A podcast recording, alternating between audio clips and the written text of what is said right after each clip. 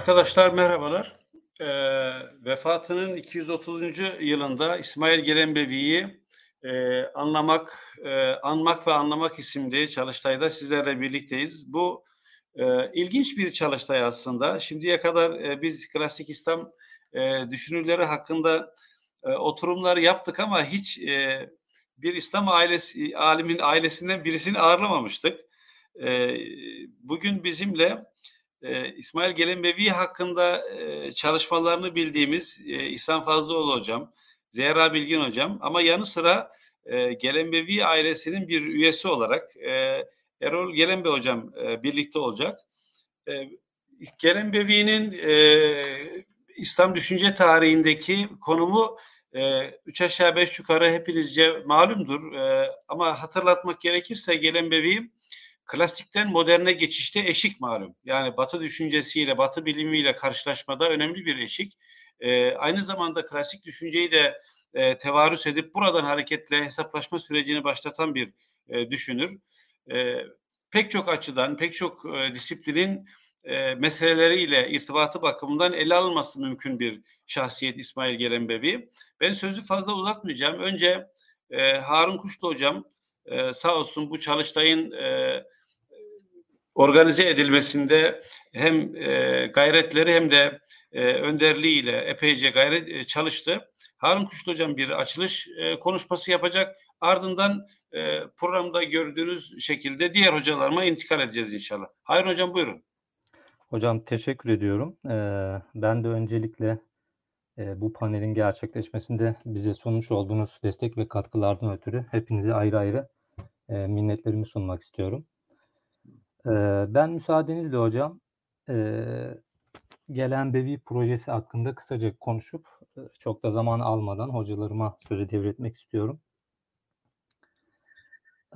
Şimdi bunu bir slaytla, yapmak istiyorum müsaadenizle. Eee Gelen Bevi projesine niyetlendik. İnşallah elimizden geleni yapacağız. Bu projenin bileşenleri neler, e, içeriğinde neler var birazcık e, bunu konuşalım istiyorum. Şimdi e, şöyle İbnül Emin Mahmut Kemal Kemal İnal'ın e, Gelen Bevi'nin hal tercümesi ile ilgili bir risalesi var. O risalenin giriş e, kısmı burası. Bu hepimizce meşhur bir e, biyografi şey e, portre fakat belki Erol Hoca bizi şaşırtacak yeni portrelerden bahsedecektir sunumunda. E, bu gelen bebeğinin çalışmalarına uygun bir şekilde çok güzel bir giriş cümlesi var. O cümleyi de okuyup projenin muhtevasına geçmek istiyorum. E, hakaiki sabit edendir ki hayat marifetle kaimdir e, ve marifetten mahrum olan fert yahut toplumlar, cemiyetler muhafazayı hayata kudreti yap olamaz. E, tam bu e, giriş cümlesine uygun şekilde gelen bir projesinin e, bileşenlerinde neler var bunu açıklamak istiyorum. Öncelikle projenin medreseden mühendishaneye İsmail Gelenbevi gibi bir alt başlığa e, uygun gördüm. Çünkü e, Gelenbevi'nin kendi şahsi hayatına da baktığımızda Osmanlı'nın klasik eğitim kurumlarında yetişip ama ilk modern eğitim kurumlarında hoca olacak şekilde bir e, değişim döneminde e, yaşadığını siz de ifade ettiniz.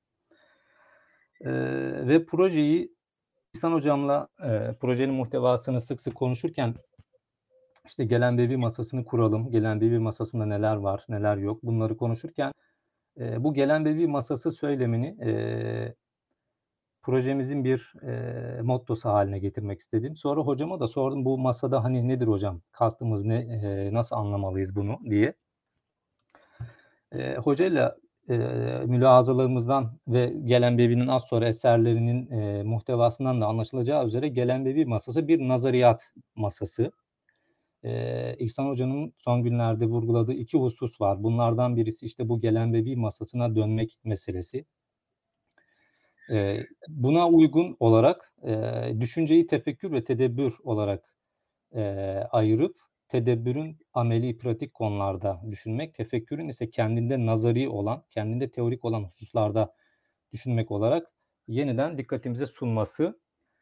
Şimdi, eee, tam da hocamın da dikkat çektiği üzere ben de naçizane kendimde, eee, za eee, nazari olan konuların, eee, pratik gayelerle ele alınmasını yahut pratik sonuçlar verecek şekilde indirgemeci bir yöntemle ele alınmasını bir nazari düşünce için bir risk olarak görüyorum.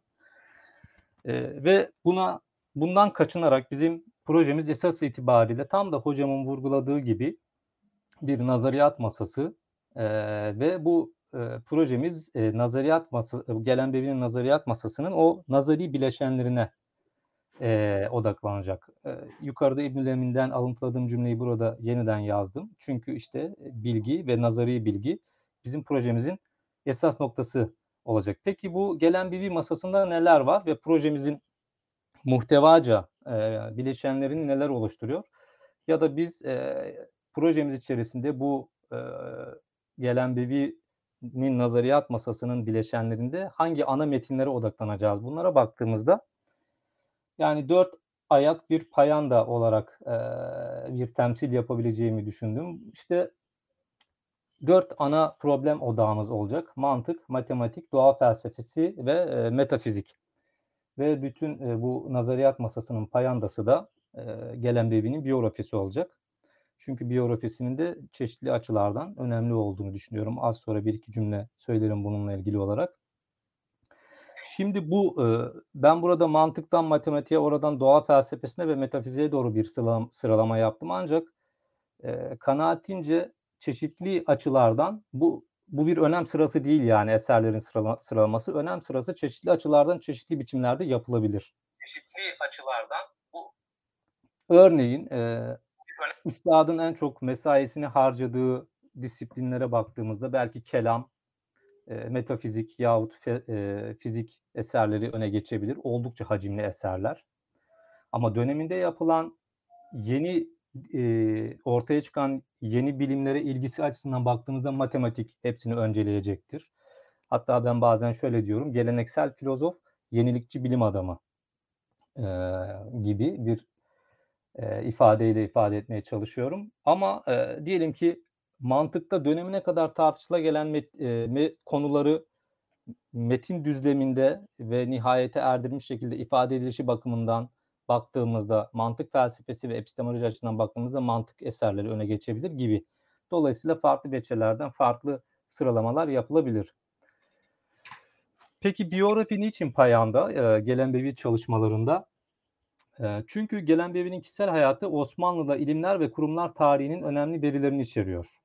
Örneğin, eee, elimizde bir Fransızca mektuplar var. Eee, bu dönemde mühendishanede, eee, hocalık yapmış Fransız mühendisler eee, bir mühendis, eee, günlük tutmuş ve bu günlüklerinde İsmail Gelenbevi'den, eee, alıntılar yapıyor yahut İsmail Gelenbevi'den bahsediyor. Eee, onunla ilgili bilgiler veriyor. Öte yandan mühendishanelere katkısı ne oldu? Mühendishanelerin Gelenbevi'nin düşüncesindeki tesiri ne oldu? Eee, yine İbnül Emin'den ve öteki Gelenbevi'nin hayatını yazan yazarlardan, eee, öğrendiğimize göre eee, bu dönemin ulemasının kitap yazma alışkanlığıyla ilgili çeşitli, eee, kritikler var. Mesela Gelenbevi bir kitap yazdığında hocasının "Ya, bu şimdi erken olmadı mı?" gibi bir tavrı var ki sonraki yazarlarca İbnül Emin mesela bunu sıkı bir şekilde eleştiriye tabi tutuyor. "Keşke siz de yazsaydınız. Eee, biz de dönemin ulemasının neyle iştigal ettiğini daha iyi biliyor olsaydık." gibi. Yani dönemin, eee, ulemasının yazma alışkanlıklarıyla ilgili çeşitli malzemeler var. Müellifin entelektüel tutumu, bakış açısı hakkında, eee, malzemeler barındırıyor. Dolayısıyla, eee, entelektüel tarihi, eee, görülmesi, eee, gerekiyor. Şimdi, eee, hayatı hakkında yazmanın zorluğuyla ilgili bu İbnül Emin'in şu cümlesi, beni hem, şaşırttı hem de korkuttu. Merhumun tercüme-i hâli hakîkisi demek olan mahiyet-i ilmiyesini de tasvir etmek istedim. Ama şettâye mensup olan âsâr-ı mühimmesini tetkik ile, eee, beyan-ı mütalaa etmeye nefsimde kudret bulamadım. Yani çeşitli ilimlerde birçok eseri olduğu için ve ben bunları mütalaa edemediğim için, eee, üstadın ilmi biyografisini yazamadım gibi bir, eee, pişmanlık içerisinde. Bunu ifade ediyor, eee, e, İbnül Emin. Bu e, karşımızdaki bir zorluk olarak zikretmek istedim. Şimdi projenin bileşenlerine baktığımızda e, gelen belinin eserleri projenin bileşenlerini belirliyor aslında. E, yukarıda zikrettiğim sırayla gittiğimizde işte mantık. Mantıkta ne var? Bir e, meşhur eseri Burhan-ı Gelenbevi var. E, Burhan-ı Gelenbevi'nin hususiyetlerine kabaca baktığımızda kavramlar mantığında ki ben bugün sunum konumu bunun üzerine odakladım. E, bir belagat etkisi, bir dil bilim e, etkisi görüyorum. Bunu açıklamaya çalışacağım. Çıkarım mantığında ki bu daha önce çalışıldı malumunuz 18. yüzyıl De Morgan mantığından daha önce 19. yüzyıldaki o De Morgan mantığından daha önce e, İslam mantıkçılarının ilişkisel kıyasları çalıştığı ve Gelenbevi'de bunun kendi terimlerini bulacak şekilde son halini aldığı ifade edildi zaten. Bu Burhan-ı Gelenbevi'nin ilginç bir şekilde hocam e, şerhleri hem yaygın hem de tesirli. Ona yakın şerhi var. E, ve döneminde yazılmış öteki mantık eserlerini gölgeleyecek nitelikte de tesirli bir eser. Örneğin Hadimi'yi zikredebiliriz. Gelenbevi döneminde yaşamış bir mantıkçı. Eserlerine baktığımızda güçlü de bir mantıkçı. Fakat Hadimi'nin eserleri Gelenbevi'nin Burhan'ın gölgesinde kalmış. Matematik açısından da çeşitli gerekçelerle belki bunu ifade etmek mümkün olabilir. Mantıkla ilgili ikinci önemli eseri İmkan Risalesi yahut Miftahu Babil Müveccehat tam adıyla. Bu da kipli mantıkla ilgili e, ve hatta kipli mantık ve metafizik ilişkisiyle ilgili. Bu da bizim ikinci problem alanımız olacak. E, Nefsül emirle ilgili, zihni varlıkla ilgili, imkansız varlıklar, mümteniatla ilgili risaleleri var ve bunların metafizik, epistemolojik e, muhtevası ile ilgili de değerlendirmeleri var eserde. Sonra e, Tezibül Mantık vel Kelam'ın haşiyesi, Devvani şerhine bir haşiyesi var. E, Teftazani'nin e, tehzibi üzerine. Ebehir'in Nisa Gucisi üzerine şerhi var ve adab risaleleri var. Mantıkta bunlar bizi meşgul edecek. Matematikte hususan logaritma cetveli e, yahut Şerhü Cedavilil Ensap diye bilinen eser. Hisabül Küsur diye bilinen eser. Müsellesat risaleleri var. E, kendisi klasik matematiğin de son temsilcisi olarak görülüyor çeşitli yazılarda gelen Bevi'nin. Fizik ve doğa felsefesinde Hidayet Hikme'nin e, Meybudi şerhi üzerine Lari haşiyesinin haşiyesi e, gelen Bevi'ye ait. Yani ye, yeni bir haşiye yazmış bu haşiye üzerine ki oldukça hacimli bir eser ve e, madde suretle başlıyor. Neredeyse madde suretle de bitiyor. E, yani 2-300 sayfada bir fizik felsefesi diyebileceğimiz bir e, eser. Tabii e, bu eser ve e, başka bazı eserleri çok katmanlı e, eserler. Yani şer ve haşiyenin haşiyesi. E, bazen bir eserin girişinin girişine yazılmış haşiyeler ancak 250-300 sayfada tartışılmış teorik konular var içerisinde. Metafizik ve kelam eserlerine baktığımızda Haşiye ala Şerhil Celal, İyici'nin akaidine Devvani Şerhi'nin e, haşiyesi. E, Siyel Kuti talikatı var. Yine akaidin Cücani Şerhine Siyel Kuti'nin yazmış olduğu haşiyesine e, talikatlar düşmüş. E, bu eser var. Vahdedi Vücut Risalesi var. E, ve çeşitli küçük risaleler var. Bir kısmı e, imtihan imtihan risalelerinde e, o mecmuada yayınlanmış risaleler olmak üzere e, diyelim ki bazı e, ayetlerin kelami yorumu, e, kelami tartışmalar açısından, metafizik tartışmalar açısından yorumu gibi e, irili ufaklı küçük risaleleri var. Bunlar da kelam ve metafizikte bizim e, odağımızda olacak eserler. Başka dikkat çekici eserleri de var. Yine e, imtihan risalelerinde beyan, meani ve çeşitli dil konularına dair risaleler. Kıble tayini hakkında ve hatta satranç risalesi olduğu biliniyor. İhsan Hocam bu risaleden e, neşri ile ilgili e, yeni haberler vermişti bize yayınlanacağına dair. E, şimdi bu eserlerini zikrettikten sonra projede e, neyi hedefliyoruz? E, bileşenlerimiz ne olacak? E, başlangıç olarak işte bugün ilk adımını atmış olduğumuz e, bu panel bizim e, ilk adımımız, e, projeyi başlangıç çalışmamız olacak inşallah.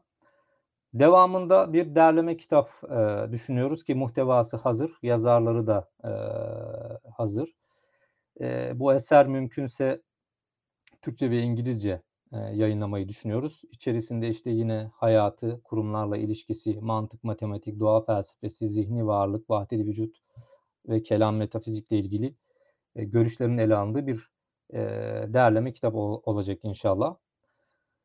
Sonraki adımlarda gelen bebi çalışan isimlerle bir çalıştay. Burada derlemesini hazırladığımız e, kitabın yazarlarıyla bir çalıştay. Devamında inşallah uluslararası sempozyum e, planlıyoruz ve e, seçeceğimiz eserlerden bir okuma grubu mantıktan yahut metafizikten e, başlamak daha uygun olabilir. E, uzun vadeli çıktılar olarak ise e, Erol Hoca'nın daha önce e, bize söylemiş olduğu European Reviews dergisinde bir yazı dizisi. Erol Hocam buna destek olacağını söylemişti. Sağ olsun. Burada mesela matematikle ilgili yazılmış birkaç yazıyı yayınlayabiliriz diye düşünüyorum. Seçeceğimiz ve uygun gördüğümüz bazı eserlerin neşri yahut tercümeleri yine olabilir. Yukarıda bahsettiğim üzere Burhan e, şerhleri, ona yakın şerhi var. Bunlardan yine Burhan'ın kendisi olmak üzere e, seçilen güçlü şerhleri e, modern bir neşirle e, neşredilebilir. Sonraki gelenekte gelen bevi etkisi e, bir araştırma konusu olabilir bu şerhler üzerinden yahut doğrudan gelen bebiye şerh yazmamış ama kendi eserlerinde gelen bebiye yapılan atıflar üzerinden bir gelen bebi etkisi e, mantıkta, metafizikte e, çalışma konusu olabilir. Kapsamlı bir biyografi yazımı e, olabilir. Eldeki malzeme genişledikçe bir kitap bölümünü e, aşacak şekilde diyelim ki e, yukarıda bahsetmiş olduğun derleme kitapta bir bölüm olarak koyarız ama e, malzeme genişledikçe müstakil bir biyografi yazımına dönüşebilir bu. Hatta belki bir kısa film bile olabilir. Çünkü İbn Lemi'nin hal tercümesine baktığımda ben e, gelen bevinin talebelik hayatını, öğrencilik hayatını detaylı bir şekilde anlatan, e, çıkıp geldiği topraklarla man, e, ruhsal ilişkisini, orayla irtibatına dair işte öğrenim sürecindeki olumsuz etkilerinden kaçınmak üzere gelen mektupları okuma işi vesaire gibi anekdotlar var. E, bunlar e, kısa filme bir konu olabilir diye düşünüyorum. Şu, e, nihai adım olarak da Burhan şerhleri belki bir işte konu e, olabilir dedim. Burada Burhan şerhlerinin kısaca bahsetmek istedim. Bir kendisinin şerhi var. E, Musuli'nin, Harputi'nin, Rizevi'nin, Abdülnafi İffet Efendi'nin, Said Nursi'nin ve hatta işte 20. yüzyıllara kadar uzanan e, Penciyuni'nin ve Şevket Efendi'nin, İbnül Karadai'nin e, şerhleri var. Dolayısıyla hani yazıldığı dönemden bu yana e, bir silsile halinde etkilerinin izi sürülebilir. E, hatta işte sonraki dönemde Gelen Bebi'nin e, Gelen Bebi ailesinin Türkiye'deki entelektüel hayata dair e, bıraktığı izler bile bir konu olabilir e, diyorum ve e, teşekkür ediyorum hocam. Eyvallah Harun Hocam. Biz de teşekkür ediyoruz. Ee, şimdi e, Erol Gelen bir hocamı dinleyeceğiz ama e, ondan Hı-hı. önce Harun Hocam e, bir kısa e, tanıtım yazısı okuyacaktı. E, Erol Hocam'la ilgili. E, efendim hocam? E, Harun Hocam kısaca bir takdim yazısını Tabii. okursan ardından Erol tamam, Hocam'a Evet. Tamam. Ee, Doktor Sami Erol Gelenbe e, İstanbul Bilim Akademisi ve daha önce TÜBA üyesi olan e, ve bugün bilgisayar mühendisi, elektronik mühendisi ve uygulamalı bir e, uygulamalı matematikçi e, profesörü, uygulamalı matematik profesörü. Fransa Mühendislik Akademisi ile Belçika, Macaristan, Polonya Bilim Akademileri ve Akademia Europa'da Europa üyesidir.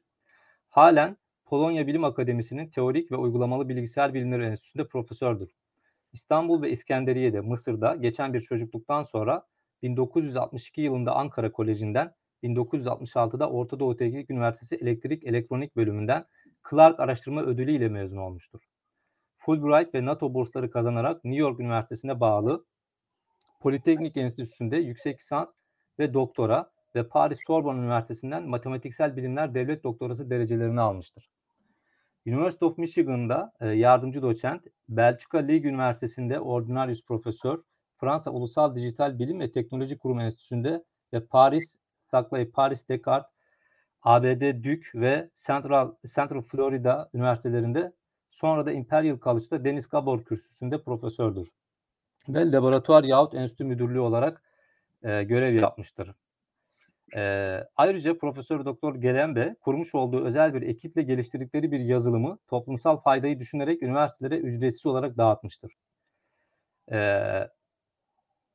Türk bilgisayar bilimcilerini uluslararası meslektaşlarıyla bir araya getirmek için 1986'dan beri her yıl Türkiye, Amerika Birleşik Devletleri ve Avrupa'da düzenlenen uluslararası bilgisayar ve bilişim bilimleri sempozyumlarını oluşturmuştur.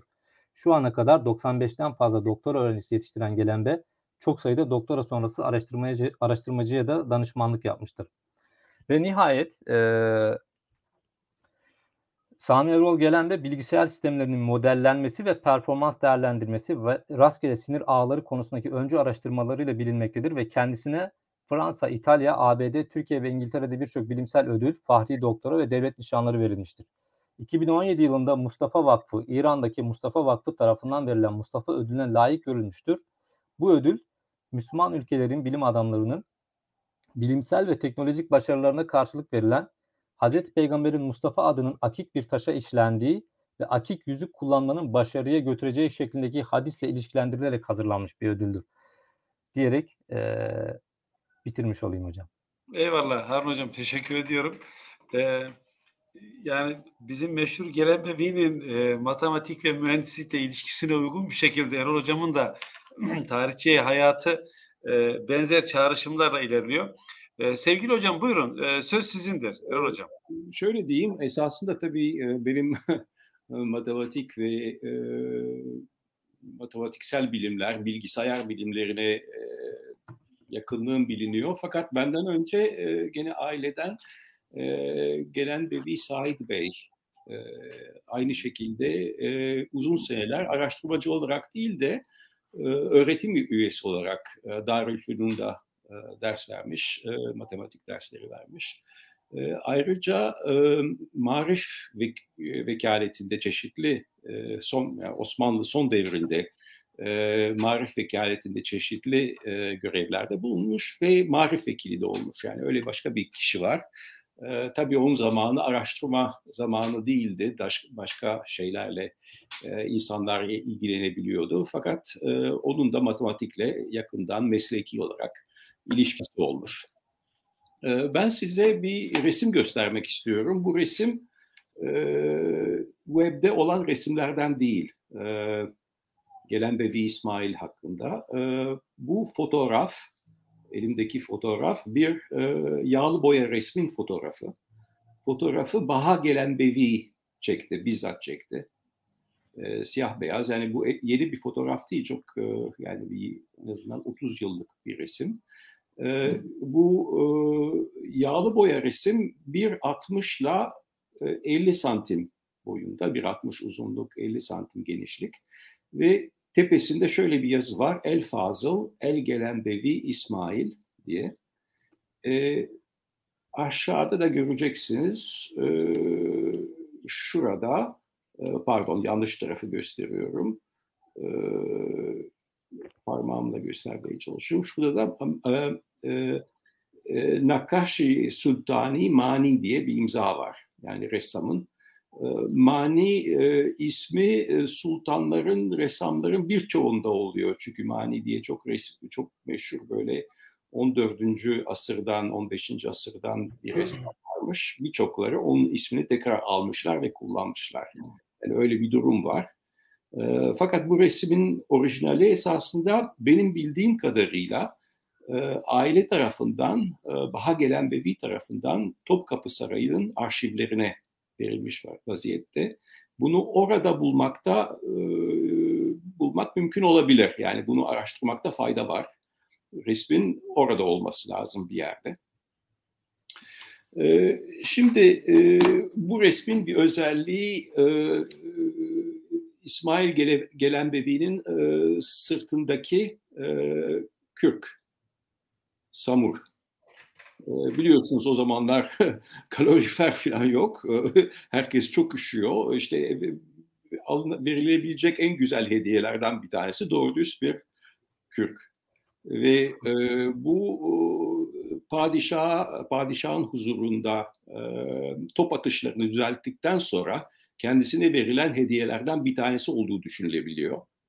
O şekilde resmi alınmış ve resme dahil edilmiş ve arkasında işte mesleğin e, bazı pratik aletleri, pergeller, cetveller vesaire tipli şeyler var. Yani ilginç bir resim.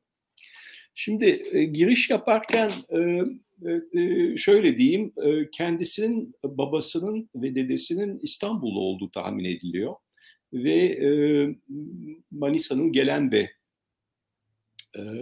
şimdi köy bile değil çok ufak bir yer. O zamanlar herhalde daha önemli bir yerdi. Oraya tayin ediliyor müftü olarak babası. Ve bilindiği gibi genç yaşta babasını kaybediyor ve çok uzun zaman zorluklar çekiyor ailesi. Arkasından İstanbul'a gidiyor ve okuyor ve yetişiyor. Şimdi onun devresi e, 1730 1790 yılları 91 yılları miladi olarak söylüyorum tabii o o devir aslında Avrupa'da çok şeylerin olduğu değişikliklerin olduğu bir devir. Şimdi biliyorsunuz aynı zamanda Osmanlı İmparatorluğu'nun ilk belki ciddi zorluklar geçirdiği askeri açıdan zorluklar geçirdiği devir. Ve e, o devirde neler oluyor? İşte e, Rus dolanması mesela ta dolaşıyor. Cebeli Tarık'tan Akdeniz'e giriyor ve Osmanlılara saldırıyor Ege kıyılarında. Mesela orada çeşme olayları oluyor vesaire yani böyle şeyler. Ve e, birdenbire Osmanlılar farkında ki e, modernleşmeleri lazım. Yani askeri açıdan dayanabilmeleri için bazı reformlar yapmaları lazım, değiş, değişiklikler yapmaları lazım ama o değişiklikler aslında Osmanlılar'da zannedildiği kadar geç gelmiyor. Tam zamanda geliyor. Şöyle diyeyim, eski asker, askeri düzende, eski askeri düzende hani herkes böyle şey alaylıdır, yok okulludur, mekteplidir, alaylıdır, mekteplidir hikayesi vardır ya e, söylenir ki sanki Osmanlılar geride kalmış. Aslında Osmanlılar e, alaylıdan mektepliye e, batının aşağı yukarı aynı zamanda geçmiş. O çok ilginç bir nokta. Çünkü ilk e, olarak Fransa'da bu okullar ortaya çıkıyor. Çünkü daha önce kim subay oluyor? Asilzadeler. E, işte genç asilzadeler 13-15 yaşında alaylara giriyorlar. Oradan o alayın kaptanı, kumandanı bilmem nesinin yanında yetişiyor. Ondan sonra bir noktada o da bir 17-18 yaşına geldiğinde bir komuta alıyor eline ve öyle kariyerleri işte şeyleri devam ediyor. O şekilde oluyordu. Fakat ilk defa 1764 yılında Fransa ilk Grand Ekolünü ilk bütün bu okulların eninde sonunda gayesi askeriydi. Grand École yani mühendislik okulunu kuruyor. École Nationale des Ponts et Chaussées şimdiki adı. O zamanlar tabii hala krallık var Fransa'da. Ve o, o şeyin, o etkinin altında yani bizim daha sistematik hale gelip hani Fransızlar diyor kendi kendilerine daha sistematik işte bu matematik öğretmemiz lazım. Ondan sonra subay olunması gerekiyor. Çünkü tahkimat sorunları var. Çünkü top atışları sorunları var. Çünkü askerlerin kaç kişi olduğunu sayabilmek lazım. Ee, şey lazım, işte malzeme getirmek lazım, yiyecek getirmek lazım, organizasyon lazım vesaire vesaire. Yani onlar o şeyler oluyor. Ve e, İstanbul'da olan e, o devirde e, e, Kaptanı Derya e, Cezayirli de, Cezayir'de çalışmış. Kendisinin Cezayirli lakabına rağmen Cezayir'de de çalışmış galiba. Cezayir'e gitmiş, oradan dönmüş, o şekilde Cezayirli demişler. E, Kaptan Derya öyle. Yani Batı'yı görmüş. Çünkü Cezayir e, bildiğiniz gibi Fransa'nın karşısında, İspanya'nın karşısında durumlarda devamlı olarak onlarla e, e, şey etmek durum, durumunda, onlarla uğraşmak zorunda, onlarla savaşmak zorunda. Aynı zamanda bakarsanız mesela Amerikalılar bile ilk e, 19. asrın en başında Cezayir'le savaşmışlar. E, bir savaş olmuş. Yani Cezayir batıya çok düş, açık bir yer ve orada bir görev yapmış bir kişinin İstanbul'a gelip e, kaptanı derya olması o açıyı tamamen kuvvetlendiriyor ve e, deniz e, yani askeri deniz mühendishanesi açılıyor İstanbul'da ve oraya e, hocaların bazıları yabancı. Mesela Baron de Tot var. E, Baron de Tot çok ilginç bir kişi. Babası e, Macar. E, şeye e, Fransa'ya gidiyor e, babası. E, orada subay oluyor. Oraya adamı şey beğeniyorlar filan. Onu baron yapıyorlar. Yani asilzade yapıyorlar. Oğlu o da babadan gel, geçme asilzade. Bar, o da baron. Fakat o da doğuya gidiyor. Osmanlıların şeyine giriyor, himayesine giriyor. Orada görev yapıyor.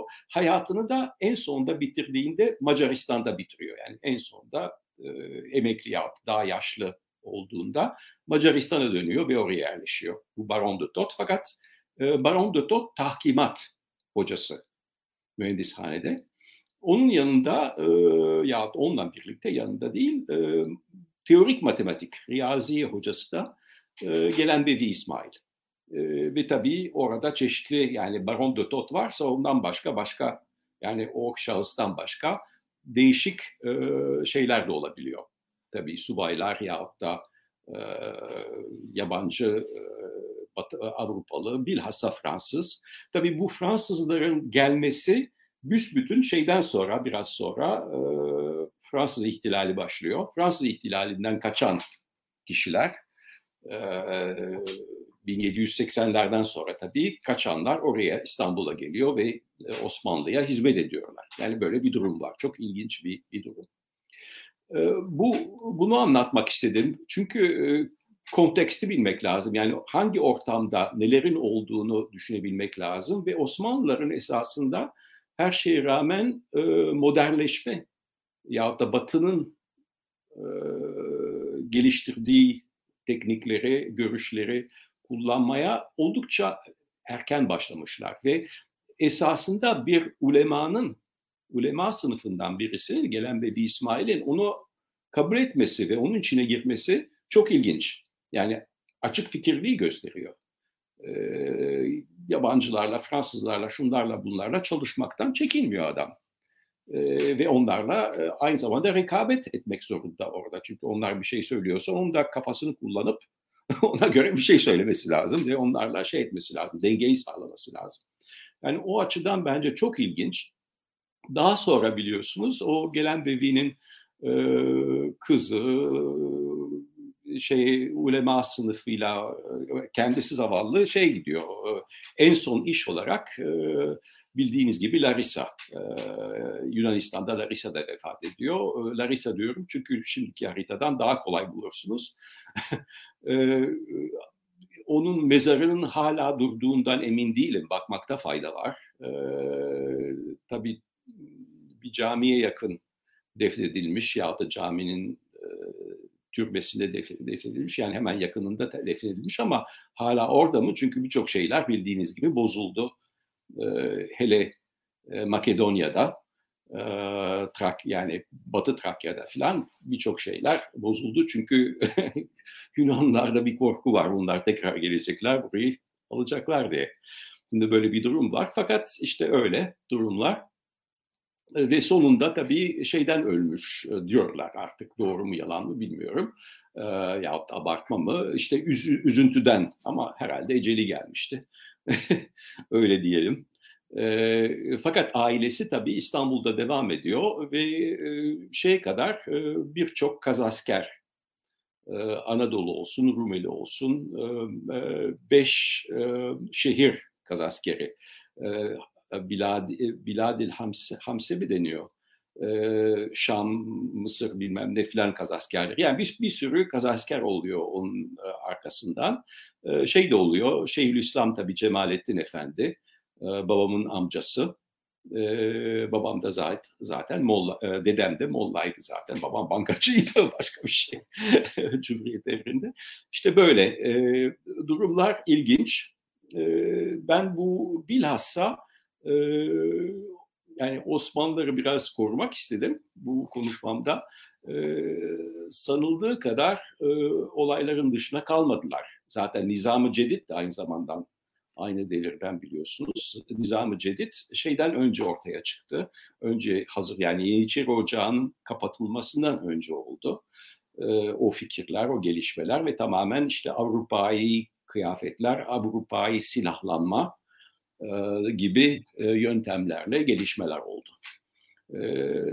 Sizlere, hepinize çok teşekkür etmek isterim bu çalışmalarınız için. Tabii bizim ailenin fakat esas bizim tarihimizin bir parçası olan bir kişi hakkında böyle bir şey yapmanız gerçekten çok büyük bir katkı.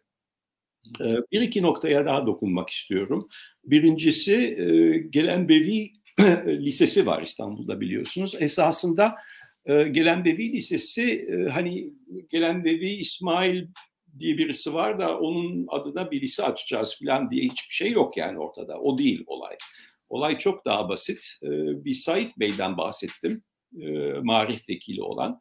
Said Bey'in arsası orada şeysi varmış. Köşkü varmış. Şimdi yaşlandığında işte bir, bir ara işte köşkü yanmış. O zamanlar biliyorsunuz İstanbul'da yangın bol.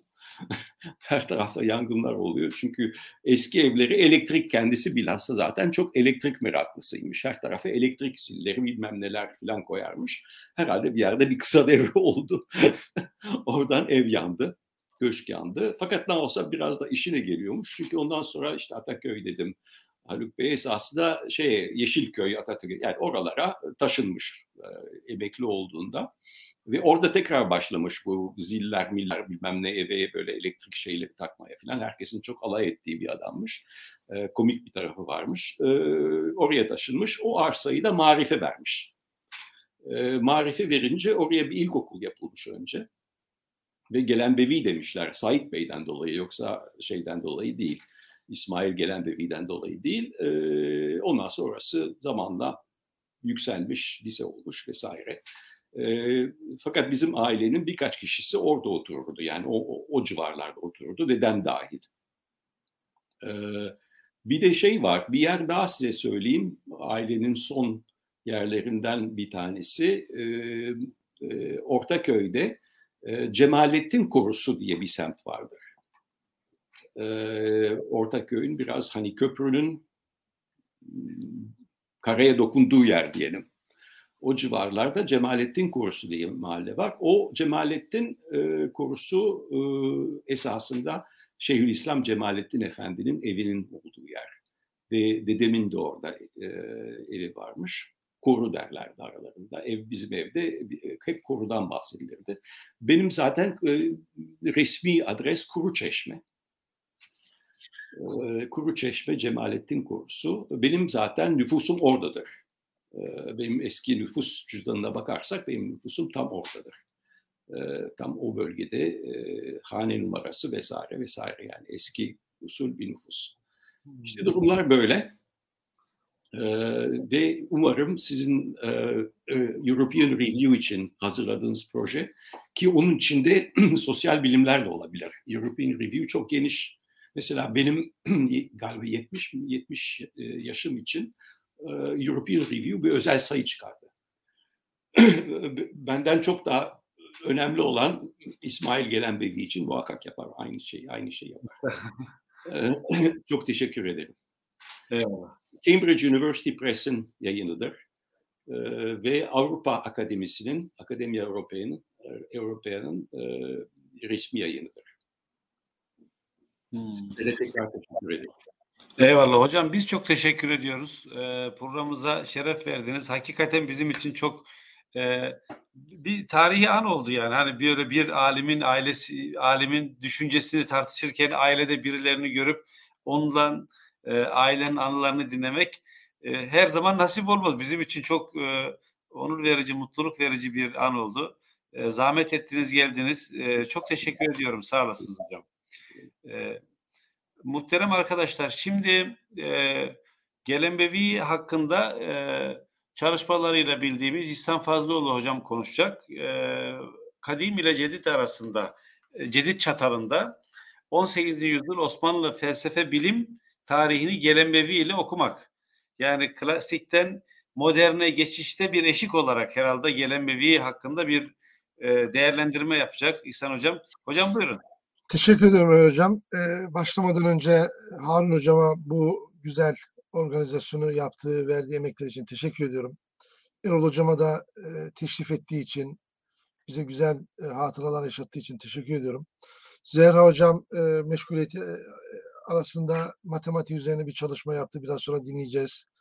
Ömer Hocam da lütfetti, moderatörlüğü kabul etti bu yoğunluğu Evet. içerisinde. Ve tabii e, dinleyici e, dostlarımıza da teşekkür ediyorum. Şimdi e, aslında parça parça çok önemli şeyler söylendi ama e, önce Gelenbevi'nin yaşadığı zaman dibine bir bakalım. 1730 1790 E, bu tarih e, Osmanlı ve genelde de Türk tarihi açısından da son derece dinamik bir tarih. Ben bu dönemi Fa- e, Fatih Sultan Mehmet e, yani 1460 ile 1550 1560 o yüzyıllık döneme çok benzetiyorum yoğun bir şekilde entelektüel faaliyetin yapıldığı, büyük filozof düşünürlerin olduğu, bunları tek tek saymayacağım. E, hemen hemen hepimiz bu konularla ilgilenen e, insanlar buna aşina. Diyelim ki Abbas Vesim Efendi bu dönemde mesela büyük tabibimiz. E, Ömer Şifai bu dönemde. Ondan sonra. E, şimdi e, bu dönemin mantığını iyi anlayabilmek için şuna dikkat edelim. Newton 1727'de öldü. Gelenbevi 1730'da doğdu. Burada 3 yıllık bir zaman dilimi var. Yani batıda her şey olmuş, bitmiş, kurumsallaşmış da e, Osmanlı dışarıdan bakıyor değil. Orada da bir oluşum süreci var. Ona dikkat etmek gerekiyor. Ve 1744'te meşhur e, yani Gelenbevi neredeyse e, ne yapıyor? 17-18 yaşlarında 1744'te meşhur e, Fransız kralının e, Newton sisteminin resmi sistem olarak ilan edilmesi tarihi. Yani Newton sistemini hemen Avrupa kabul etmiyor. Onlar uzun süreçler alıyor. E, Fransa'nın kabul etmesi şu açıdan çok önemli. E, o dönemin en merkezi devleti. Kültürel alanda büyük etkisi var. Fransa'nın bir şeye olur demesi ya da bir şeye sahip çıkması onun e, dü- e, küreselleşmesine, globalleşmesine neden oluyor. 1744'te e, bu uygulama, bunun da bilim tarihi açısından tabii izahı var, o ayrı bir konu. E, hemen 1754, 10 yıl sonra da hendesehane kuruluyor Osmanlılar'da. Yani mühendishanelerden önce bizde hendesehane diye yani modern bilimi çok da iyi anlıyorlar. Yani bunun matematiğe bağlı e, bir hendese, bir mühendislik, bugünkü anlamıyla bir mühendislik. Çünkü klasik anlamda mühendis geometrici demek. E, bunu çok iyi anlıyor Osmanlı e, Devleti.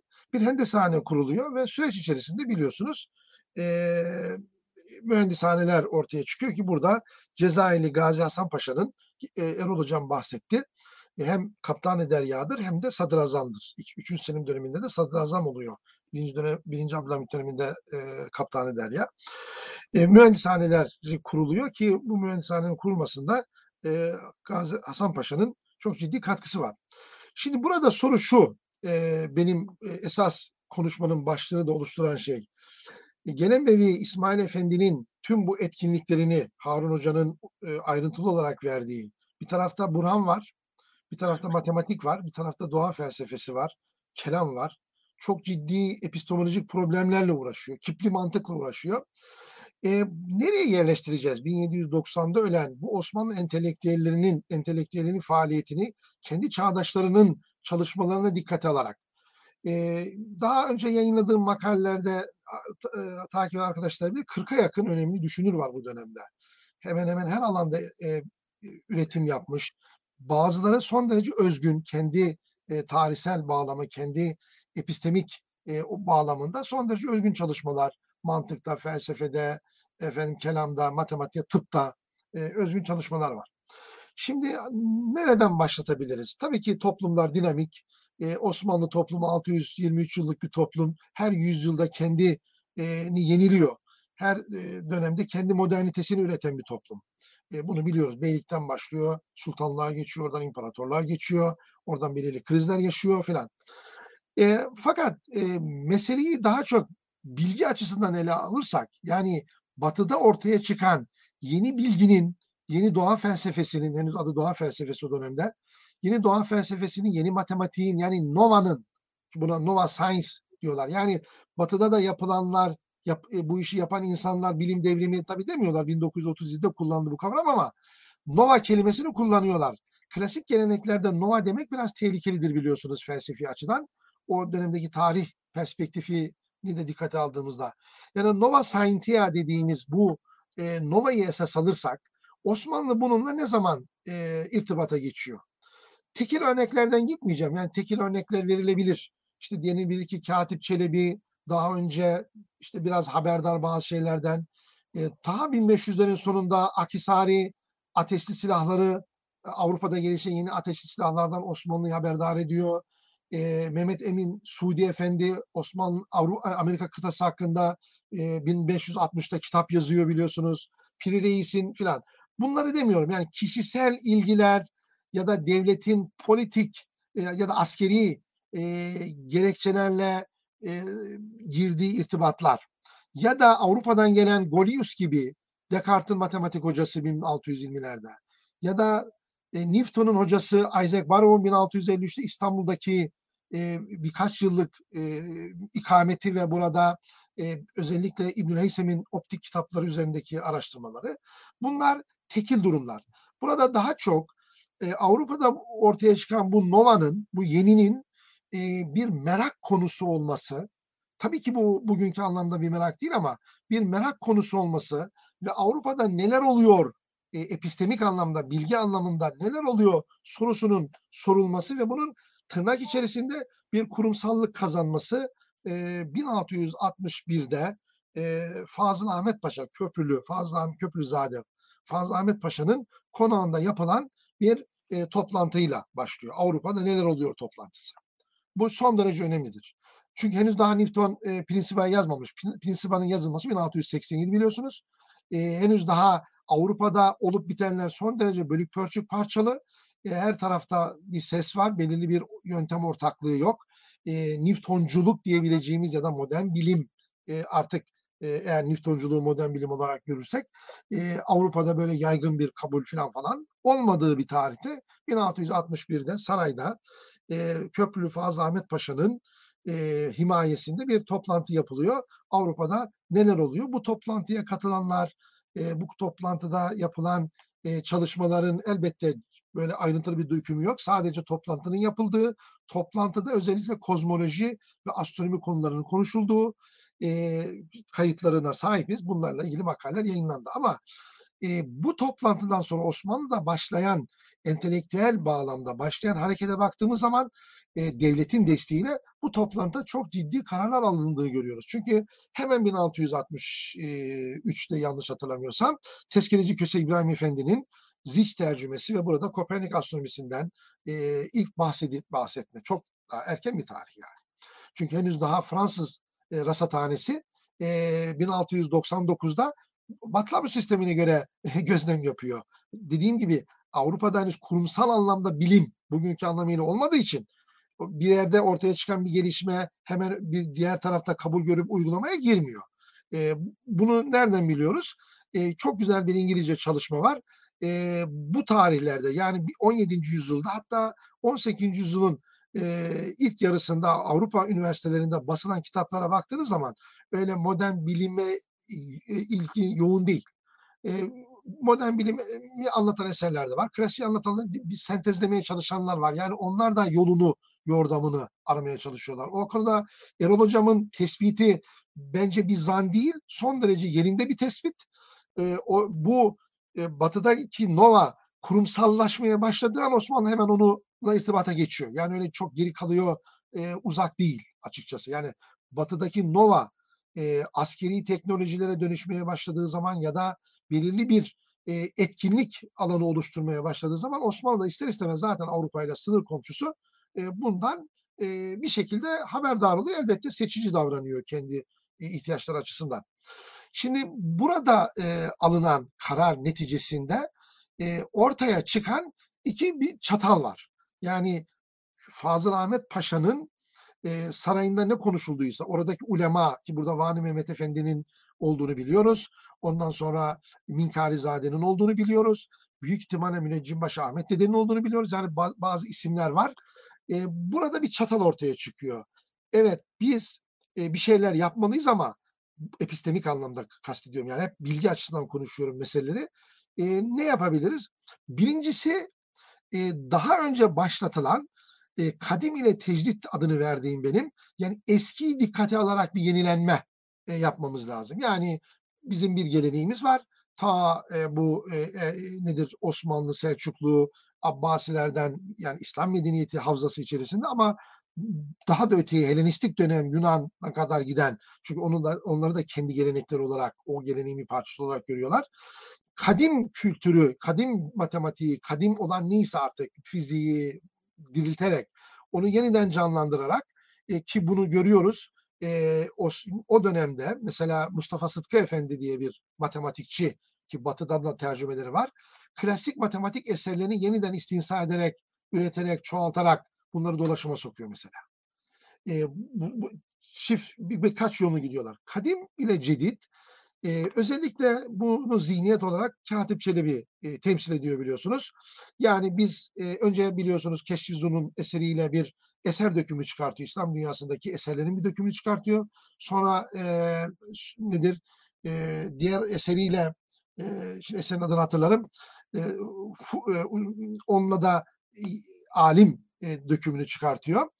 E, ve nerede kaldık, neredeydik, ne yapıyorduk şeklinde bir eleştiri getirerek e, o klasik eserlerin yeniden gündeme getirilmesi ve bu e, nedir? E, kadim ile cedid e, dediğimiz e, bir zihniyet yenilenmesi. Çünkü burada ceditten kastedilen birikimin yeniden zihinlere taşınması, yeniden eğitim programlarına girmesi, yeniden, yeniden onun üzerine düşünülmesi şeklinde e, ifade edilebilir.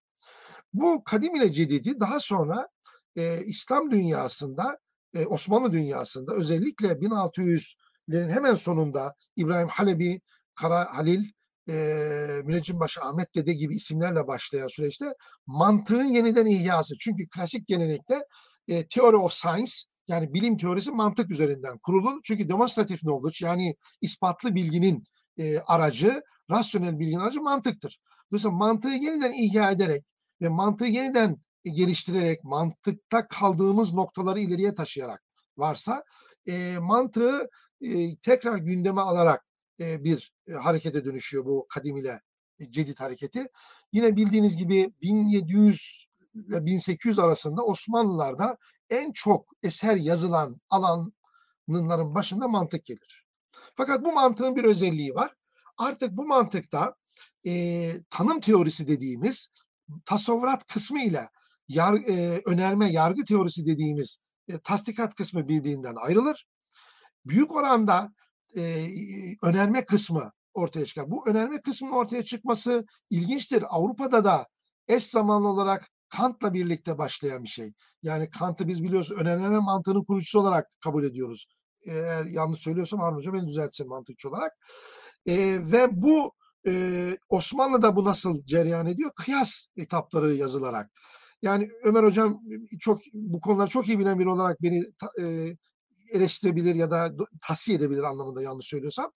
Belki de İslam dünyasında bağımsız en çok kıyas risalesinin metninin yazıldığı dönem 18. yüzyıl dönemidir. İnanılmaz kıyas e, metinleri var. Anadolu'da, Balkanlarda ve İstanbul'da.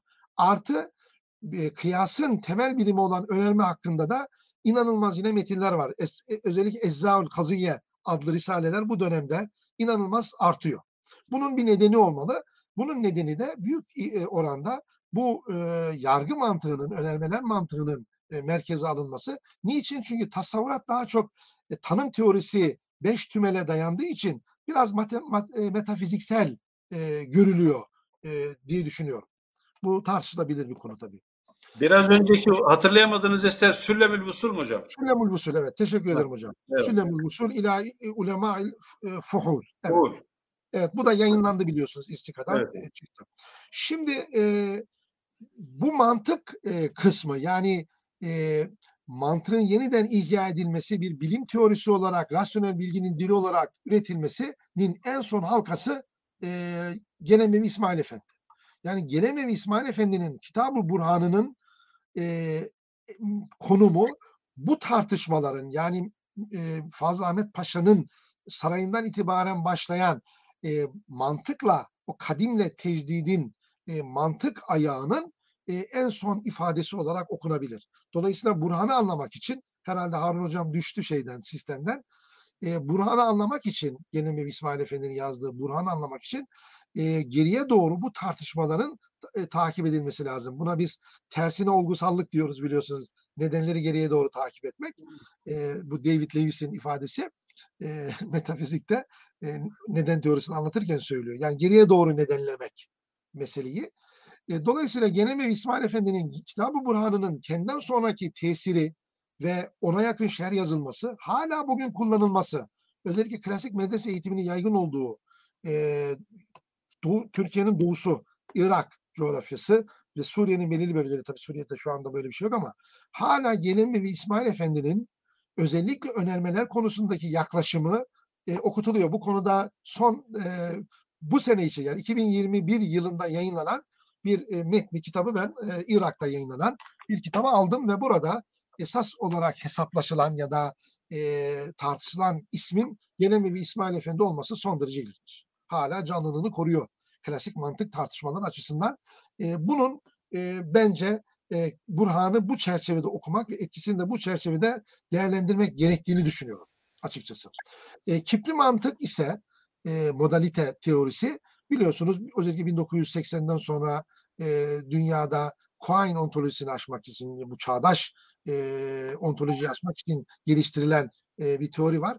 E, o açıdan da e, Gelemevi'nin Kipli mantık konusunda yazdığı eserin ki bu imkan metafiziğiyle de çok alakalı Ömer Hocam e, evet. e, çalıştığı. Zaten kitabın Risaletül İmkan e, kitabın adı. Bunun da son derece metafizik bir meseleyi mantık üzerinden nasıl e, incelediğini ve inşa ettiğini e, tabii içeriğine bakmak lazım. Benim alanım değil. Sadece e, buradaki ben e, hissiyatımı söylüyorum bu konuda mantıkçı hocalarımız e, üzerine durabilirler bunun.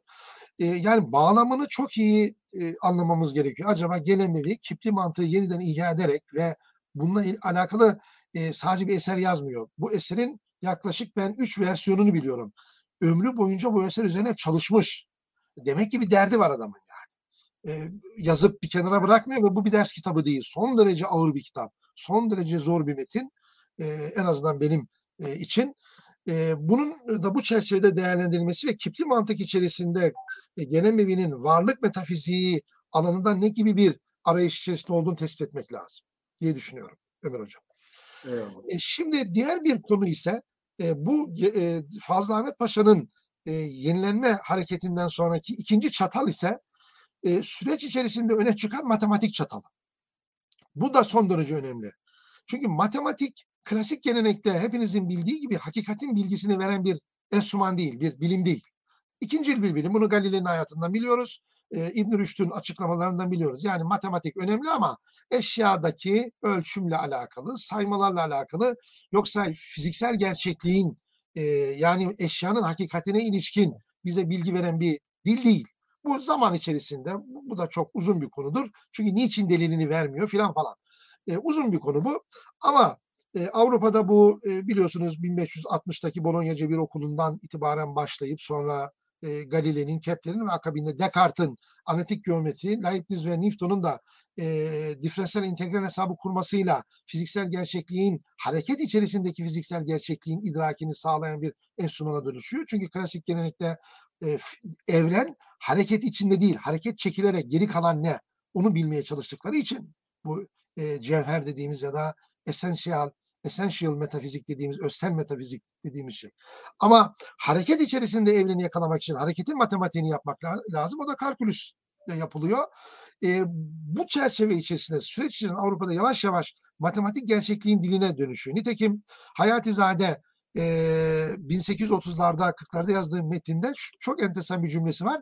Diyor ki artık eşyanın kününü devamisi tabiiyeyi mantıkla değil e, matematikle idrak etmeye başladılar. Yani Osmanlı entelektüelleri bunu e, şey olarak yakalıyorlar. Bu da ilginç bir tespit tabii. Şimdi bu matematik ile e, matematiğe ilişkin yönelik e, yapı büyük ihtimalle askeri teknolojiyle de alakalı. Çünkü mühendishane ya da hendesaneler bize bu fikri veriyor. Yani alet edevatla, filos, philosophical apparatus, e, alet felsefesiyle alakalı olduğunun farkındalar. E, ama süreç içerisinde mesela gelen şeyin e, çok erken bir tarihte Müneccimbaşı Ahmet Dede'nin e, klasik e, İbn Sina'cı felsefeyi, kelamı bir kenara bırakıp matematik bilimlere yönelmesi, e, bin- bin- 1702'dir ölüm tarihi malumunuz. Ve akabinde özellikle 1700'den itibaren Osmanlı'da yeni matematikçilerin ortaya çıkması, matematik e, hem bir disiplin olarak hem de matematik bilimlerin e, öne çıkmaya başlaması yavaş yavaş. E, özellikle biraz önce ismini zikrettiğim Mustafa Sıtkı Efendi'nin e, hem e, klasik eserleri istinsa edip çok güzel bir hattat çünkü adam e, piyasaya sürmesi hem Latinceden ya da Frank dillerinden yeni kitaplar tercüme etmesi hem de matematik alanında öğrenci yetiştirmesi. Şekerzade, Feyzullah Sermet gibi. E, bu da e, Osmanlı yenileşmesinin ikinci çatalını oluşturuyor. Gelemevi'nin de burada çok önemli bir yeri olduğunu e, söyleyebiliriz. Mühendishanelerde hoca olması bakımından meselenin e, önemini daha da iyi, iyi idrak etmiş olabilir. Çünkü e, Fransız mühendislerle çalışıyor. Biliyorsunuz e, bu tarihlerde yani Gelenbevi ölmeden e, 4 yıl önce e, 1781-1786 yıllarında Toder'in İstanbul'da meşhur İtalyan Türk edebiyat tarihini yazan üç cilt e, Toderini İstanbul'da Toderi'nin verdiği bilgilere dikkat ettiğimiz zaman çok ilginç şeyler söylüyor. Toderini bir papaz, bir oryantalist e, devlet göreviyle geliyor. İtalyan elçisinin burada, İtalyan devletlerinden birinin burada e, oğlunun hocası olarak getiriliyor ama çok dilli olduğu için e, bir tür casusluk görevi de var. Osmanlı matbaa sistemini, kitap kütüphane sistemini, medrese sistemini inceleyip rapor ediyor adam. Şimdi Toderi'nin verdiği bilgiye baktığımız zaman en çok üzerine durduğu konulardan bir tanesi de yeni nesil Osmanlı entelektüellerin matematik merakı. Mesela diyor ki bir gün bana bir genç geldi diyor İtalya'da çıkan bir cebir kitabını istedi. Allah Allah şaşırdım yani nereden biliyor bu adam? E, dolayısıyla bu tür e, satır aralarını okuduğumuz zaman Toderi'nin e, matematik modern anlamdaki matematikle e, e, matematiğe yönelik ilginin olduğunu görüyoruz. Dolayısıyla Gelemevi İsmail Efendi mantıkla yenilenmenin en son halkası iken matematikle yenilenmenin de e, resmi düzeyde tabii e, bir temsilcisi olarak düşünebilir ki Zehra Hoca o konuda bize çok daha e, teknik içeriden bilgi verecektir. E, eserini inceledi çünkü. E, hem Hisabul Küsur'da e, mesela Hisabul Küsur klasik geleneksel bir matematik kitabı büyük oranda ama içeride modern matematiğe de atıflar var. Özellikle cebir kısmında yanlış hatırlamıyorsam çok eskiden okuduğum bir e, metindi. E, ya da logaritmaya de yine o kitapta atıf var ama ayrıca bir de e, logaritma kitabı var ki bu bizde ikinci kitaptır yanlış hatırlamıyorsam. Şekerzade Feyzullah Sermet'in e, var. E, Mustafa Sıtkı'nın talebesi sonra Gelemevi'nin metni var. Bu açıdan e, Gelemevi e, Fazıl Ahmet Paşa'dan yani 1661'den itibaren başlayan bu yenilenme sürecindeki mantık ve matematik ayağını şahsında birleştiren bir kişi bence biraz da e, efsaneye dönüşmesi, bir misale ve bir masala bir mesele dönüşmesi. Gelemevi bizde sadece bir misal bir mesel aslında. Yani e, klasik o dönemdeki şeyleri okursa bir efsaneye dönüşmüş Gelemevi. E, hem klasik geleneği iyi bilen hem de moderni, moderne aşina diyelim, iyi bilen iddialı olur ama aşina bir insan ve buna kapı aralayan, bir müderris olarak buna kapı aralayan, bunu önemseyen bir isim olarak bir efsaneye dönüşüyor. Bu açıdan her iki ayağı da temsil ettiğini düşünüyorum.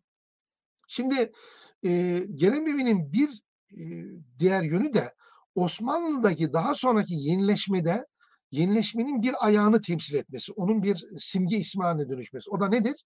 Geçmişle irtibatı koparmadan yenilenmeyi önemseyenler. Çünkü üç türlü e, akım çıkıyor süreç içerisinde. Bir tanesi devletin acil ihtiyaçları dolayısıyla e, teknolojik ihtiyaçlar, askeri ihtiyaçlar dolayısıyla e, mevcut Avrupa'da üretilen bilgiyi bir an evvel alıp e, herhangi onun getireceği değer kavramsal e, metafizik e, işlerle uğraşmayan, bir an evvel mukabeleyi bil misil yapalım diyenler, buna mukabeleyi bil misilciler deniyor zaten o dönemde.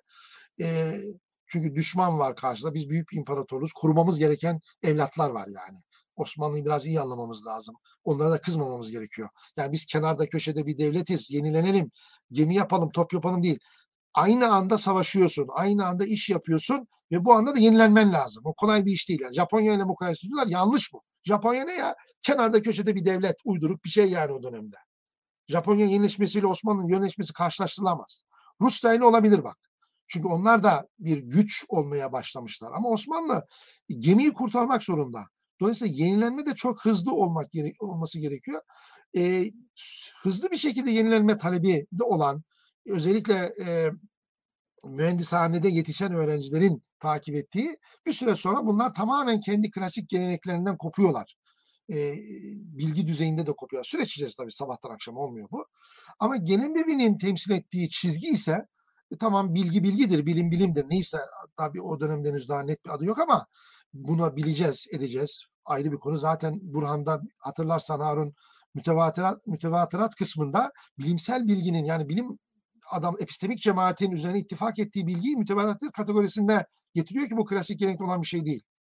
Ee, yani bilimse, bilim cemaatinin, bilim adamları grubunun üzerine ittifak ettiği bir bilginin yakini olabileceği, kesin olacağını e, iddia ediyor Burhan kısmında. Yanlış hatırlamıyorsam. Yıllar önce okumuştum çünkü. E, dolayısıyla Genemevi e, özellikle Ahmet Cevdet Paşa'nın daha sonra temsil ettiği bu gelenekle irtibatı en azından metafizik düzeyde, e, değerler düzeyinde korumanın, koruyarak yenilenmenin, mevcudu muhafaza ederek, dönüştürerek yenilenmenin de bir simgesi haline dönüşüyor ki bunun da ben e, önemli olduğunu düşünüyorum. Daha sonraki ünü, şöhre- şöhreti diyelim e, bu açıdan da önemlidir. Yani e, sadece yaptığı çalışmalar, ürettiği, yazdığı eserler, yetiştirdiği öğrenciler değil, aynı zamanda temsil ettiği tutum, felsefi tutum, zihniyet bakımından da Gelenbevi kendinden sonraki insanlara ilham e, veriyor. O açıdan Gelenbevi'nin masası son derece önemli bir masa. Bu masada varlık var, bu masada e, tabiat var, bu masada hayat var, bu masada idrak meselesi var, bu masada varlık, vücut nedir, vücut e, meselesi var. Bu nefsülem önermeler meselesi var. Dolayısıyla o e, Gelenbevi'nin tartıştığı konular, evet, gelen, kendi geleneğiyle irtibatlı olarak tartıştığı konular, yer yer e, mevcut e, çağdaş bilgiyle irtibatlandırdığı durumlar e, aynı zamanda onun felsefi tutumuyla da son derece alakalı e, diye düşünüyorum e, Gelenbevi'nin bu tavrının.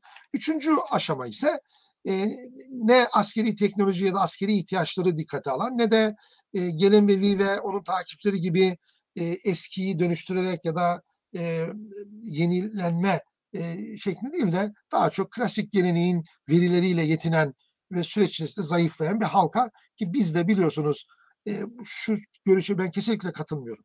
Ulema bir şeye karşı çıkacak bizde. Ya bizde devlet esastır. Devlet bir şeyi talep ettiğinde ulema ona tabi olur ve onu meşrulaştırır.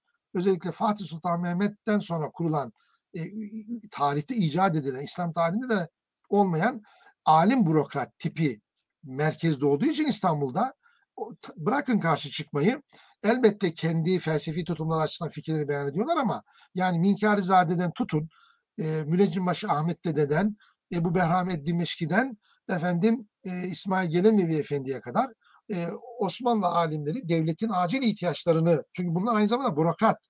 Sadece bildiğiniz üniversite hocası değil bu adamlar. Onlar da var tabii devlette ama devletin yukarıdaki zihniyetini yani Mehmet Esat Efendi'yi düşünün. O, dönem, o dönemdeki MGK toplantılarına giren bir adam. Yan yana Esat Efendi.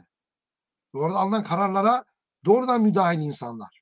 E, dolayısıyla bu bürokrat alimlerin devletin ihtiyaçları, e, öncelikleri konusunda bilgisiz olması mümkün değil. E, Gelemevi İsmail Efendi'nin bir müderris olarak gidip e, görev yapması, İshak Efendi'nin e, hoca hoca İshak'ın yani İshak Hoca'nın bir müderris olarak gidip e, medresede okuması tekrar e, e, mühendishanenin ilk kurucu hocası olan Hüseyin Rıfkı Tamani'nin bir müderris olması, Palabayık Mustafa Efendi'nin matematik bir e, medreseli olması nasıl izah edeceksiniz? Bunu e, çok ilginçtir.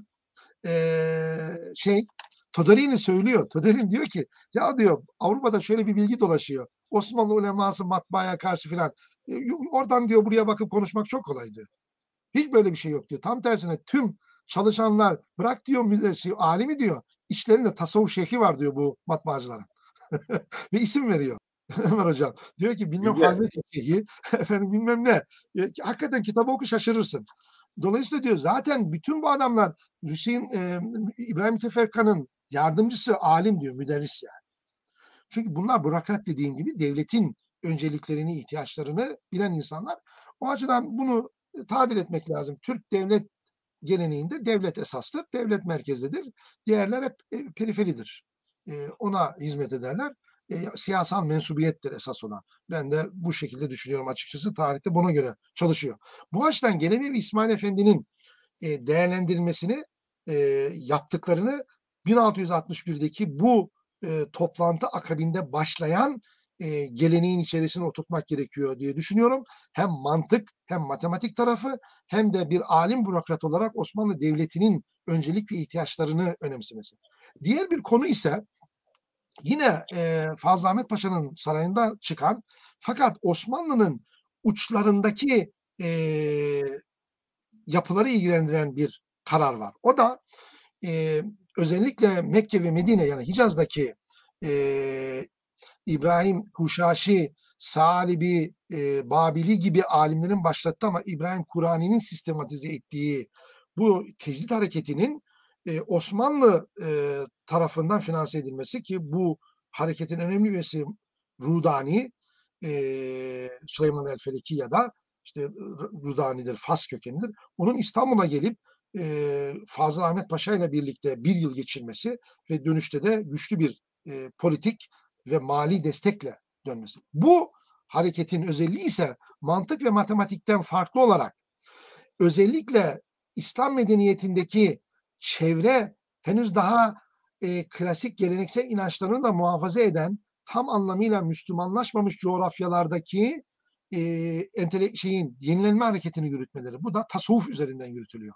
Çünkü tasavvuf e, hızlı hareket etme kabiliyeti olan e, insanlardan oluşan e, İslam medeniyetini e, Bilad Darül İslam'ı yani içeriden e, borularla birbirine bağlayan bir e, network'e sahip olmasıdır.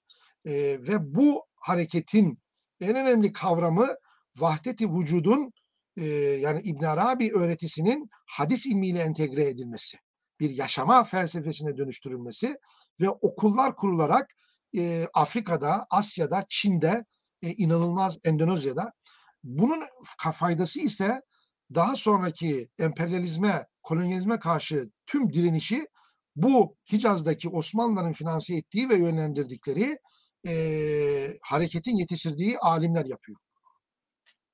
E, Sinkili'den tut, Endonezya'da Hollandalılara karşı savaşan, Çin'de Çinlere karşı savaşan, Afrika'da Fransa'ya, İngiltere'ye karşı savaşan tüm bu entelektüelleri yetiştiren ekip bu ekiptir. Ve bu ekibin içerisinde daha sonra Musa bizim Carullah, e, Müneccim Ahmet Dede, e, Fazıl Must Ahmet Paşa'nın oğlu Fazıl Mustafa Paşa, Süleyman Fazıl Efendi gibi alimler var. Şimdi bunun Gelemevi ile alakasını, Gelemevi'nin Vahdet-i Vücut Risalesini de bu çerçevede bir değerlendirmek gerekiyor. Çünkü e, hatırlarsanız e, aynı tarihlerde yani Fazıl Ahmet Paşa'nın bu işi başlattığından sonra işte Viyana bozgunu ve benzeri hadiseler akabinde e, Osmanlı'ya vahdet-i şuhut e, yaklaşımı giriyor. E, Hicaz üzerinden İmam Rabbani'nin ve vahdet-i vücut, vahdet-i yani vücudiler, şuhudiler kavgası var. Bunu meşhur Amasyalı alimimiz Akif Zade Lemasi'nin Mecmu'l Meşrut ve Mesmun'da görüyoruz. Şimdi bu İstanbul'da da ciddi bir tartışma var. Bu metafizik bir tartışma şüphesiz. E, şuhutçularla vücutçular meseleyi üst seviyede müzakere ediyorlar. İşte Palabıyık Mustafa Efendi, e, ondan sonra diğer alimler. E, Gelemevi İsmail Efendi'nin burada nasıl bir pozisyon takındığını bu vahdet vücut sanatı üzerinden yeniden yorumlamakta fayda var. E, bu neyi gösteriyor? Şunu gösteriyor. Gelemevi İsmail Efendi Fil Dilçi Kulesi'nde yaşayan e, biri değil. Tamamen e, devletin, toplumun e, ve büyük ölçekte de Darül İslam'ın problematiğiyle e, içli dışlı ve bu problematiğe cevap üretecek metinler yazıyor. E, ister şerleri, ister haşileri olsun e, kişisel kanaatim bu e, problem yüklü alanı dikkate alarak e, okunmalı, değerlendirilmeli ki gelen evinin e, tarihsel rolünü tespit etmek açısından e, bunun çok daha verimli olacağını e, düşünüyorum. Elbette e, şu da var. Tabii oraya girmedim. Girsem de çıkamayabilirim çünkü. E, çünkü hani Ömer Hocam'ın e, metafizik konuşması gibi 10 saat konuşur. E, o dönemde mesela matematik bilimler, e, aritmetik, sayılar teorisi, cebir, geometri, ondan sonra e, diğer tıp mesela, tıp çok önemli bir gösterge, coğrafya, e, hangi isimlerine, bu, bunların içine girmemiz lazım. Yani diyelim ki tercüme hareketleri mesela. E, özellikle e, yine Müne, şey, Fazıl Ahmet Paşa'nın şeyiyle birlikte başlayan ama Lale devrinde Nevşehirli damat İbrahim Paşa'nın devlet sistemi haline getirdiği tercüme hareketleri. Özellikle Gelemevi döneminde e, Kuyucaklızade Mehmet Atıf Efendi ve onun ardıl öncülerinin e, Türkçe metin üretme arayışları. Çünkü Türkçe yavaş yavaş Arapçanın yerini alarak e, Osmanlı'daki entelektüel bilim dili olmaya başlıyor. Bunun e, çerçevesini çizmemiz gerekiyor. Bunun tıpla alakası yani keşke mesela vaktimiz olsa Abbas Vesim Efendi'nin Dustur-ül Vesim Fittibül vel Kadimi'nin iki o dönemdeki zihniyet analizleriyle ilgili cümlelerini müzakere etsek ya da e, Gevrek Sade'nin ya da Ömer Şifai'nin yani tıbbı iman ediyoruz.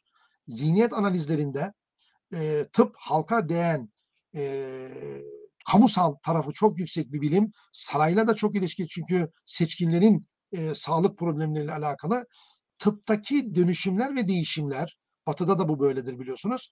E, zihniyeti o dönemdeki zihniyeti ele veren metinlerdir. Yani Tokatlı'nın kanun tercümesinin girişini okuduğunuz zaman o dönemdeki entelektüel kavganın, e, yaklaşımın e, ne anlama geldiğini tıp çerçevesinde analiz edip e, ileriye geri doğru gidebilirsiniz. Mesela e, teorik olandan uzaklaşma vurgusu var Tokatlı'da.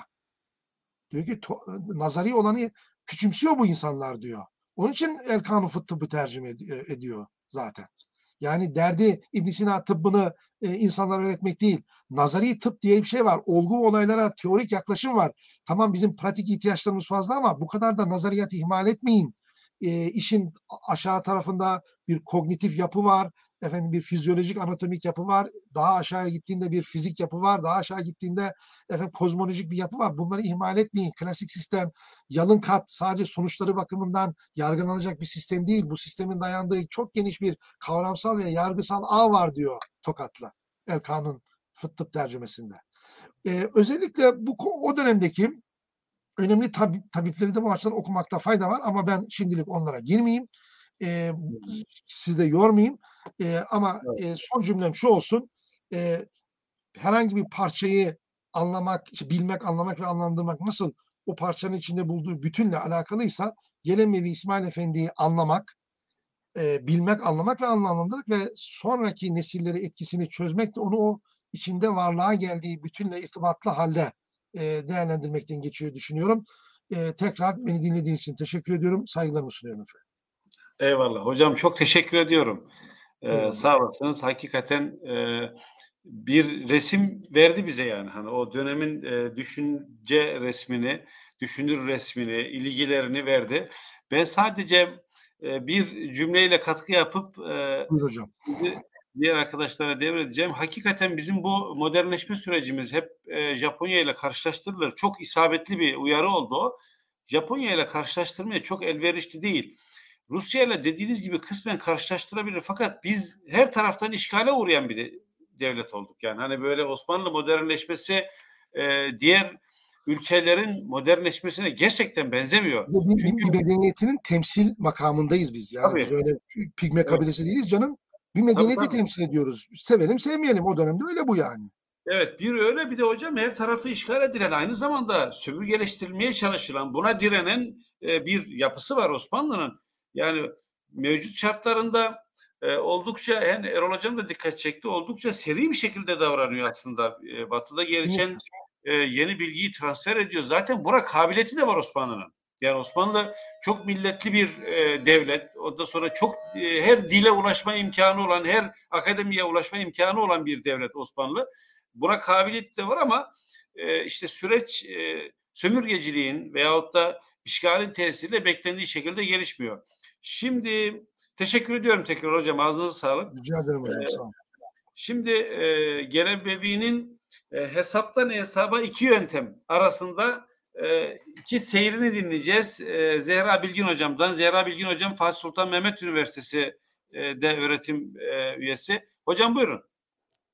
Teşekkür ederim hocam. Ee, ben de evvela e, beni bu toplantıya davet ettiğiniz için teşekkür ediyorum. Ee, slaytımı açmak istiyorum ama e, belki teknik ekip yardım edebilir. Tamam. Teşekkür ederim. Ee, şimdi ben e, İsmail Gelenbevi'nin e, logaritma üzerine meşhur eseri üzerinden e, bazı yorumlarda bulunacağım. E, logaritmanın eserinin e, öneminden e, belki e, haberdardır çoğu kimse çünkü literatürde çok geçen bir e, kitap ve ayrıca e, hocalarımın konuşmalarında da bahsedildi. Logaritma modern matematiğin bir e, yöntemi olarak kabul ediliyor. O yüzden bu Osmanlı'ya modern e, yöntemlerin, modern bilimin girişi aşamasında da önemli bir e, kilometre taşı. E, bu böyle olmasına rağmen, bu kadar önemli olmasına rağmen literatürde e, bu araştırma yaparken pek çok e, müphem e, kalmış nokta olduğunu gördüm bu kitabın yazım sürecine e, dair. Biraz o konularda araştırmalar yaptım. Şimdi sizlerle onları paylaşmak istiyorum. E, ama evvela e, akışımı e, bir hemen hızlıca sunayım. E, şimdi logaritmadan bahsedeceğiz. Elbette e, bu bilenler vardır ama daha önce haberdar olmayanlar için kısa bir logaritma nedir e, tanıtımı yapmak istiyorum. Çünkü e, konuyu anlayabilmek için bundan haberdar olmak lazım. Sonrasında da Osmanlılara logaritmanın giriş süreci üzerinden gelen Bevi'nin e, eserine e, dair e, çalışmalarımı sunacağım. Şimdi logaritma bir hesap yöntemi. Zaten konuşmanın e, başlığında da hesap kelimesini kullanmamın bir e, amacı vardı. E, klasik hesap yöntemi bildiğimiz dört işlem e, kök alma, kare alma, küp kök e, ve küp alma, daha yüksek kuvvetlerden üst ve e, kökler alma e, yöntemlerini içeriyor. E, logaritma ise bunlardan farklı olarak e, aslında bunların yapamadığı ya da yap, yaparken zorlandığı e, küsuratlı işlemleri özellikle çarpma, bölme, kök alma ve kare alma gibi işlemleri e, pratikleştiren bir yöntem. Ve bu e, cetveller vasıtasıyla yapılıyor. Cetvelleri e, oluşturmak biraz meşakkatli ama cetveliniz olduktan sonra adeta bir hesap makinesi gibi işlem yapabilirsiniz ki hesap makinelerinin yaygın kullanıma başlanmasından önce de e, en yaygın hesaplama yöntemlerinden bir tanesiydi logaritma usulünde e, hesap yapmak. E, logaritmanın icadı e, aslında bize gelişinden yaklaşık 200 yıl kadar e, evvel üç isim geçer. Napier, Briggs ve Bürgi. E, ilk yayını Napier yapmış ve biz o yüzden e, en, en çok krediyi ona veriyoruz. E, en dolu çalışmayı o yaptı diye. 1614'te ilk eserini yayınlıyor bununla ilgili ve e, Briggs çok çok ilgi görüyor başta e, o dönemin ilim camiası tarafından. E, Briggs de ona ilgi gösteren insanlardan biri ve o bir, bir dönem birlikte çalışıyorlar ve Napier'in günümüzdeki logaritma gibi değil Napier'in logaritması. Onu günümüzdeki haline 10 tabanlı logaritmaya dönüştüren, onu teklif eden kişi de Briggs. Bir de Bürgi'yi anmak gerekiyor. Bürgi'nin her ne kadar Napier'den evvel çalışmalarını tamamlamış olsa da yayınlamakta geç kalmış. 1620'de yayınladığında tablolarını o tabloları nasıl kullanılacağına dair hiçbir açıklama yapmadığı için yani atıl kalmış yaptığı çalışma. Pek kimse onunla ilgilenmemiş ama genelde logaritma tarihinde bu üç isim birlikte e, zikredilir. E, Napier logaritmasından bahsedersek e, logaritma ismini Napier veriyor. E, logos ve aritmos kelimelerini birleştiriyor. Logos'un oran anlamı da varmış. E, dolayısıyla kelime sayıların oranı manasına geliyor. Şimdi böyle düşününce bu oran nedir diye insanın aklına gelebilir. Ne, ne oranı alıyoruz? Aslında Napier'in e, motivasyonu o dönemki astronomi tablolarındaki küsuratlı sinüslerin, kosinüslerin ve tanjantların e, çarpmalarını işte ve diğer işlemlerini kolayca yapabilmek. Çünkü bunlar virgülden sonra 7-8 basamaklı sayılar ve onları çarpmak hayli meşakkatli. Logaritma tablolarıyla inanılmaz derecede kolay oluyor. Çünkü çarpma toplamaya, bölmede çıkarmaya dönüyor. Toplama ve çıkarma e, çok basit işlemler. E, basamaklar üzerinden kolayca halledilen işlemler. Bu e, oran e, dediğimiz şey de bir geometrik oran aslında. Öklidyen geometriye dayanan bir oran. E, bir Napier'in logaritmasının tanına baktığımızda günümüzde yaptığımız gibi fonksiyonel olarak ya da üslü sayılar üzerinden yapılan bir tanım değil. Fizikle ilgili, hareketle ilgili ve sinüs e, doğruları ile ilgili yani e, çemberdeki birim çemberdeki sinüs doğruları ilgili bir tanım. Bu çok ilginç bir şey çünkü şu an e, kullandığımız logaritmanın böyle bu temelleri olduğu pek bahsedilmiyor. Dahası m, Osmanlılara artık logaritma geldiğinde hayli olgunlaşmıştı ve Napier'in bu geometrik tanımı kaybolmuştu. E, çünkü birçok e, çok ilgi gördüğü için birçok matematikçi dönemin meşhur matematikçileri Descartes e, sonra e, Euler iyileştirmeler yapıyorlar ve bunu tamamen sayı teoretik bir hale getiriyorlar.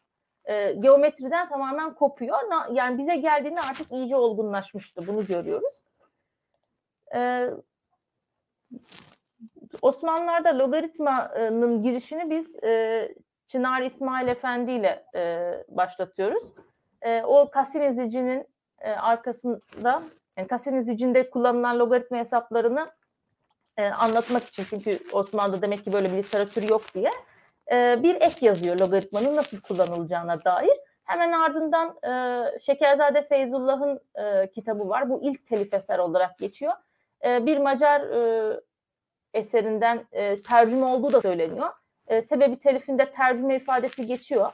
E, ama burada bir şerh düşmek isterim. E, bu dönemdeki tercümenin günümüzde anlaşıldığı üzere kelime kelime tercüme olmadığına dikkat etmek lazım. Henüz bu kitap üzerine bir e, araştırma yapılmış değil. Yani nasıl ter, kimden tercümeydi, e, nasıl bir tercüme yapılmıştı.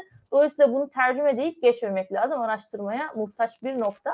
Bugün konumuz olacak eserde Gelenbevi İsmail Efendi'nin Şerh-ı Cedavil Ensab adlı eseri. Ardından da Mühendishane'nin ilk baş hocası Hüseyin Rıfkı Tamani'nin Logaritma Risalesi var. Bu dört eser logaritmaya dair ilk literatürü oluşturuyor. Şimdi Gelenbevi'nin eserine e, geçersek bu e, 1201 Hicri 1787 miladi yılında telif ediliyor ve e, 11 tane e, kayıtlı nüshası var Osmanlı matematik kitabı tarihinde. Ben bu çalışmayı hazırlarken 3 tane nüshaya e, ulaşabildim. Burada numaralarını e, yazdım. Kitabın isminde ensab kelimesi geçiyor. Ensab oranlar demek. Tam anlamıyla aslında logaritma kelimesinin karşılığı olarak kullanılıyor. Oran manasında. Kısa süre sonra artık ensab yerine logaritma kelimesi doğrudan Osmanlı Türkçesinde kullanılmaya başlanıyor. Mesela Tamani'nin kitabın ismi Logaritma Risalesi. İki makaleden oluşuyor kitap. Birinci makale üç çeşit cetvel var. Sayıların logaritması, sinüslerin logaritması ve tanjantların logaritması. İlk makalede bu cetveller, bu tablolar nasıl oluşturulur? Sıfırdan nasıl oluşturulur? Bunu anlatıyor. İkinci makalede de bu cetveller nasıl kullanılır? Şimdi benim incelediğim nüshalarda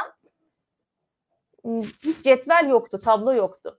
Fakat ikincil kaynaklarda bunlardan bir tanesi mesela Osmanlı Matematik Literatürü Tarihi eserlerde eserlere eklenmiş bir tablolar olduğundan da bahsediliyor. Fakat tabloları ben göremedim henüz. Yani bu baktığım üç nüsha tarihleri de farklı farklı. Ee, yani şu Giresun nüshası mesela e, telif tarihiyle aynı tarihte yazılmış. Ee, diğerleri biraz daha geç tarihli ama hiç tabloya rastlamadım ama bir yerlerde bir tablo olması lazım çünkü tablosuz bu iş yapılmıyor. Şimdi dediğim gibi bu kitap çok meşhur bir e, kitap. E, üzerine de e, hayli hikaye var, e, spekülasyon var ama e, bunların doğruluğu üzerine biraz konuşacağım şimdi. İlk hikaye bu biraz da böyle kahramanlıklarla dolu bir hikayedir. Ahmet Cevdet Paşa'nın e, bahsettiği işte bir Fransız e, zabitinin e, onu e, gelen beviye e, meydan okuması tabiri caizse bir e, logaritma sorusuyla onun da karşılık olarak e, sorunun cevabı değil bir kitap yazıp vermesi şeklinde bir anlatılan hikaye vardır. Bu hikaye tarihi Cevdet'te geçmiş e, ama e, hemen yani kısa sürede Salih Zeki'nin mesela bunun üzerine yorumu var. Bunun doğru olmayacağını. Çünkü öncesinde hem Çınarı İsmail Efendi'nin hem Şekerzade'nin eserlerinin olduğu yani logaritmayı e, gelen Bevi'nin bulmadığına dair e, eleştirileri var. Ama bu hikaye nedense sonraki literatürde de kendine yer bulmuş. Hem, hem yazılı hem de sözlü olarak hala aktarılan bir hikaye. Bunu böyle ilk önce bir düzeltmemiz gerekiyor. Bundan artık bahsetmememiz gerekiyor. Gelen Bevi ile alakalı. Bunu bir, bir de şuradan anlıyoruz. Kitabın girişinde çok kısa bir girişi var. Ee, yani uzun uzun alıştığımız gibi yazmalarda böyle e, hani neden detaylıca anlatmıyor neden yazdığını bir sebebi telif yok. Çok kısa bir ibare su kadar buraya e, sadeleştirerek aldım. Sadece şöyle bir şey geçiyor. E, işte hesap yapmak zordur.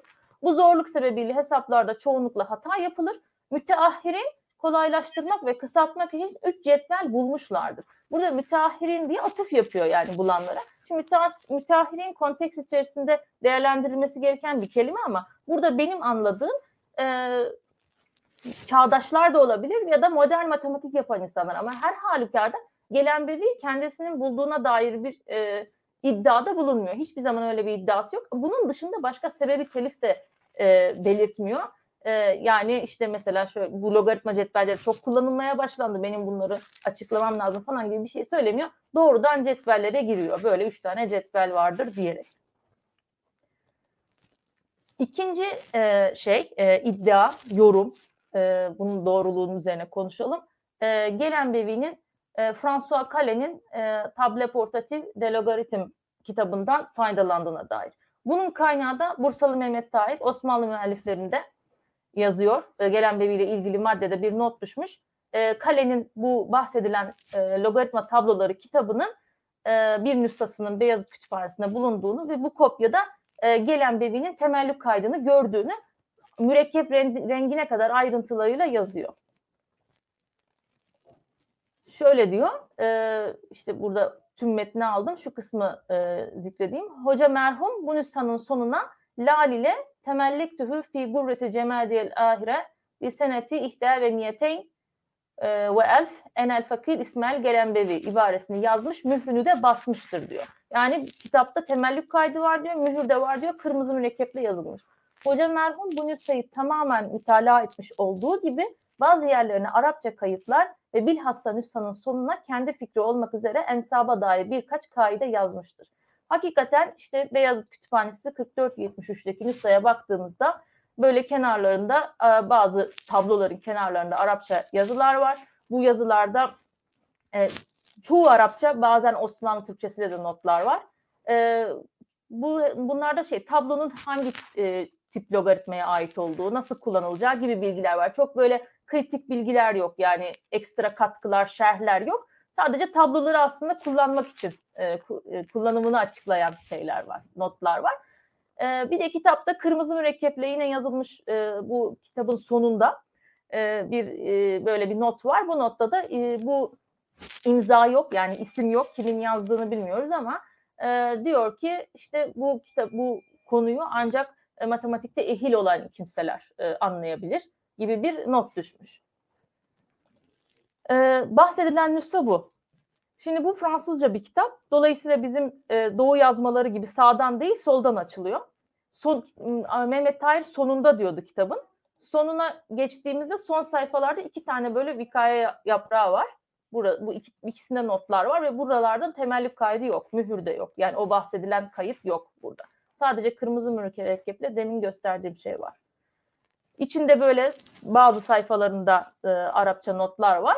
Burası aslında e, Mehmet Tarih'in sonu diye anlattığı yer kitabın başı.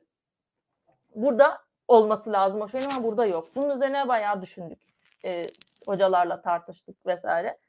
E, ve sonunda e, dün fark ettim ki burada e, bir kopma olmuş. Bu yan kağıdı, cildin yan kağıdı, Ebrulu yan kağıdı diyoruz buna. Burada da onun boş sayfası olması lazım devam eden.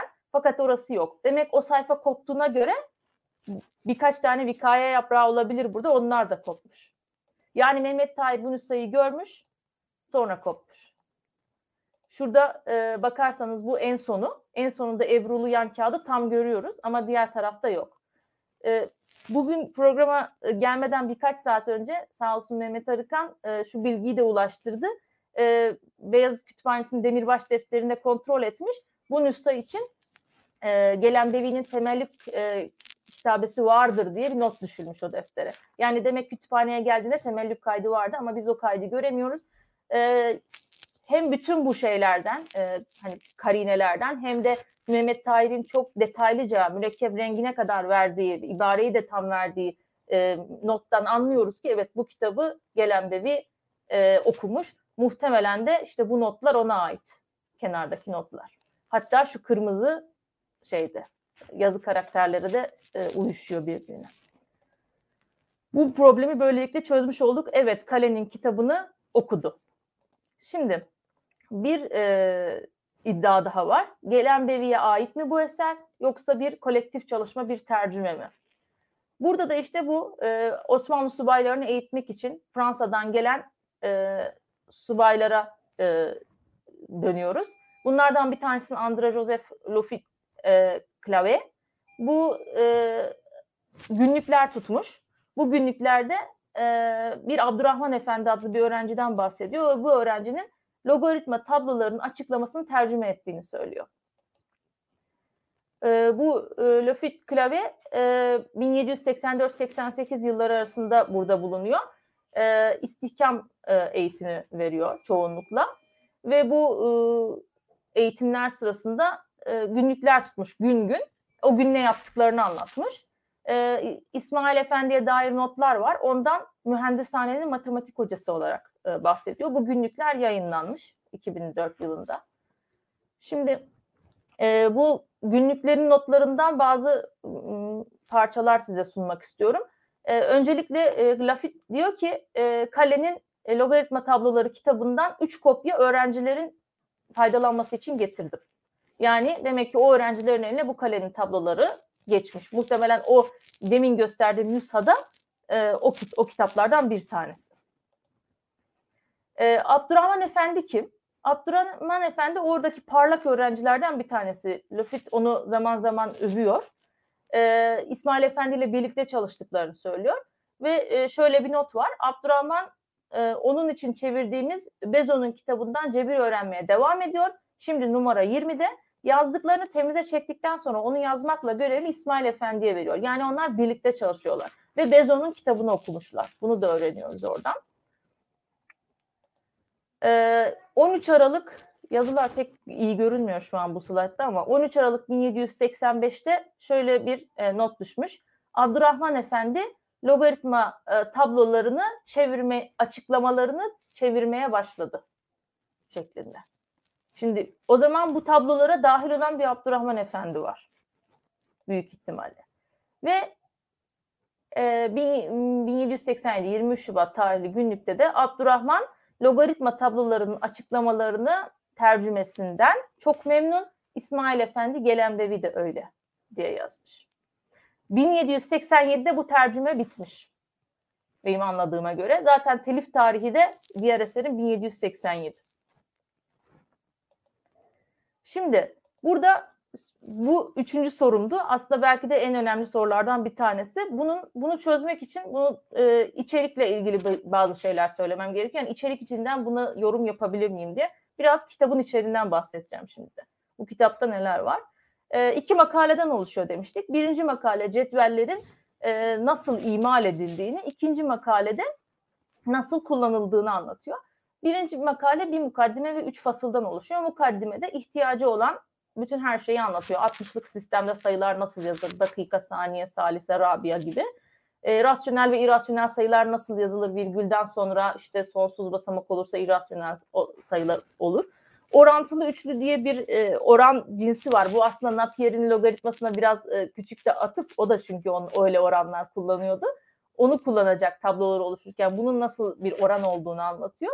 E, sonra üslü sayılarla nasıl işlem yaparız? Bunları anlatıyor. Çünkü ihtiyacı olan bütün her şeyi topluyor yani çantasına.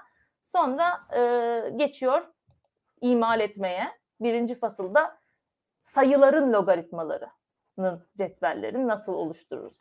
Şimdi e, biraz anlatmaya çalışayım. İki sayısının e, iki, iki tabanını ele alalım. 2 üzeri 1 2'dir. 2 üzeri 2 4'tür. 2 üzeri 3 8'dir. 2 üzeri 4 16'dır. 2'nin kuvvetleri tablosunu böyle yazdığımızı düşünelim. Yalnız e, benim slaytımda e, şu an fark ediyorum ki sanırım programdan dolayı e, şeyler çıkmamış, işlemler çıkmamış. E, şöyle anlatayım. Mesela 16 ile 32'yi çarpmak istedik. Aynı bu Mısır'daki çarpım tablolarına benziyor. 16 ile 32'yi çarpmak istersek bu iki basamaklı bir çarpma işlemi yapması zor. Onun yerine 4 ile 5'i toplayıp e, 9 çıkıyor. 9'a geldik. 9 512 karşılığı. Demek ki 16 çarpı 32 512'ymiş. Yani çarpmayı toplamaya çevirdi. Üstleri e, topladı. O satıra baktı. Tamam güzel. 2'nin kuvvetleri için demek ki çarpmayı toplamaya çevirebiliriz. Peki herhangi bir sayı için bunu nasıl yapacağız? Herhangi bir sayı da mesela 3 için tersten düşünelim.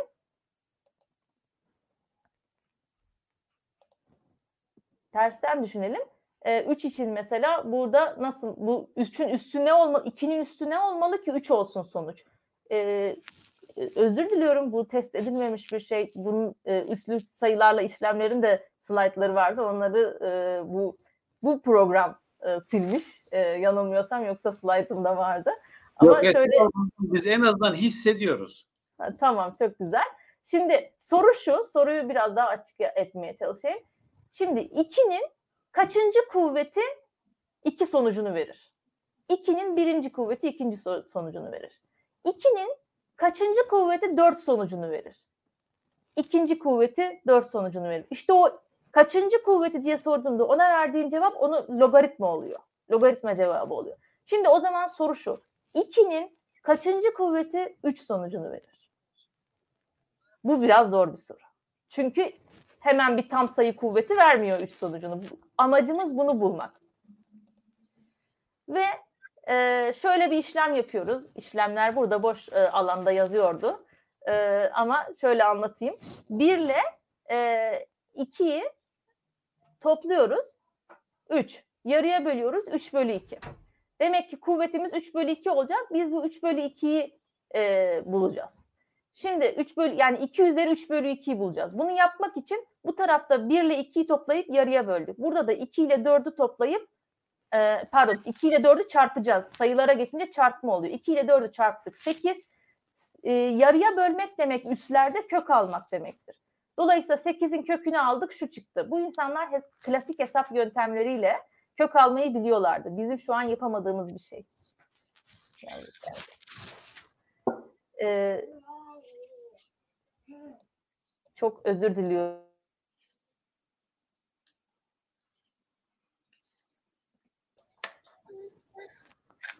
İki ile dördü çarptık sekiz. Sekizin kökü 2.82, 84, 27, 12 gibi bir şey. Şimdi e, burada böyle bir değer bulduk tabloda ama 3'ü vuramadık. 2.8 diye bir şey vurduk. Biz 3'ü bulmak istiyorduk. Olmadı. Şimdi o zaman ne yapıyoruz? Bulduğumuz bu 3 bölü 2 ile 2'yi topluyoruz.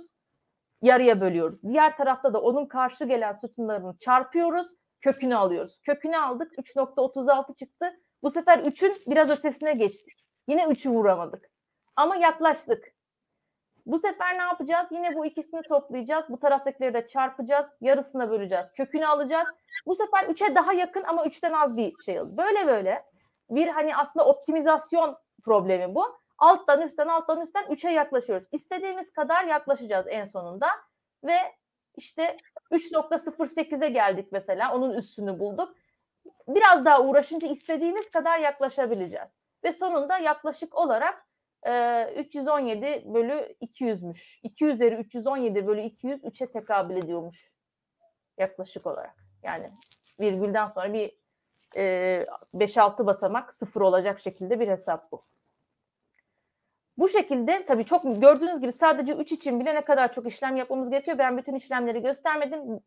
E, oluşturdukları tablolar birden 10 bine kadar sayıları içeriyor. Yani bunu e, işte 2'nin kuvvetleri hariç demek ki birden 10 bine kadar bütün sayılar için yapacaksınız bu işlemi. Ama tabloları bir kere yaptıktan sonra işlem çok kolaylaşıyor. ikinci ve üçüncü fasıllarda da sinüs tabloları, sinüslerin logaritmaların tabloları ve e, tanjantların logaritmaların tabloları benzer şekilde üretiliyor. Üretimlerini a, anlatıyor.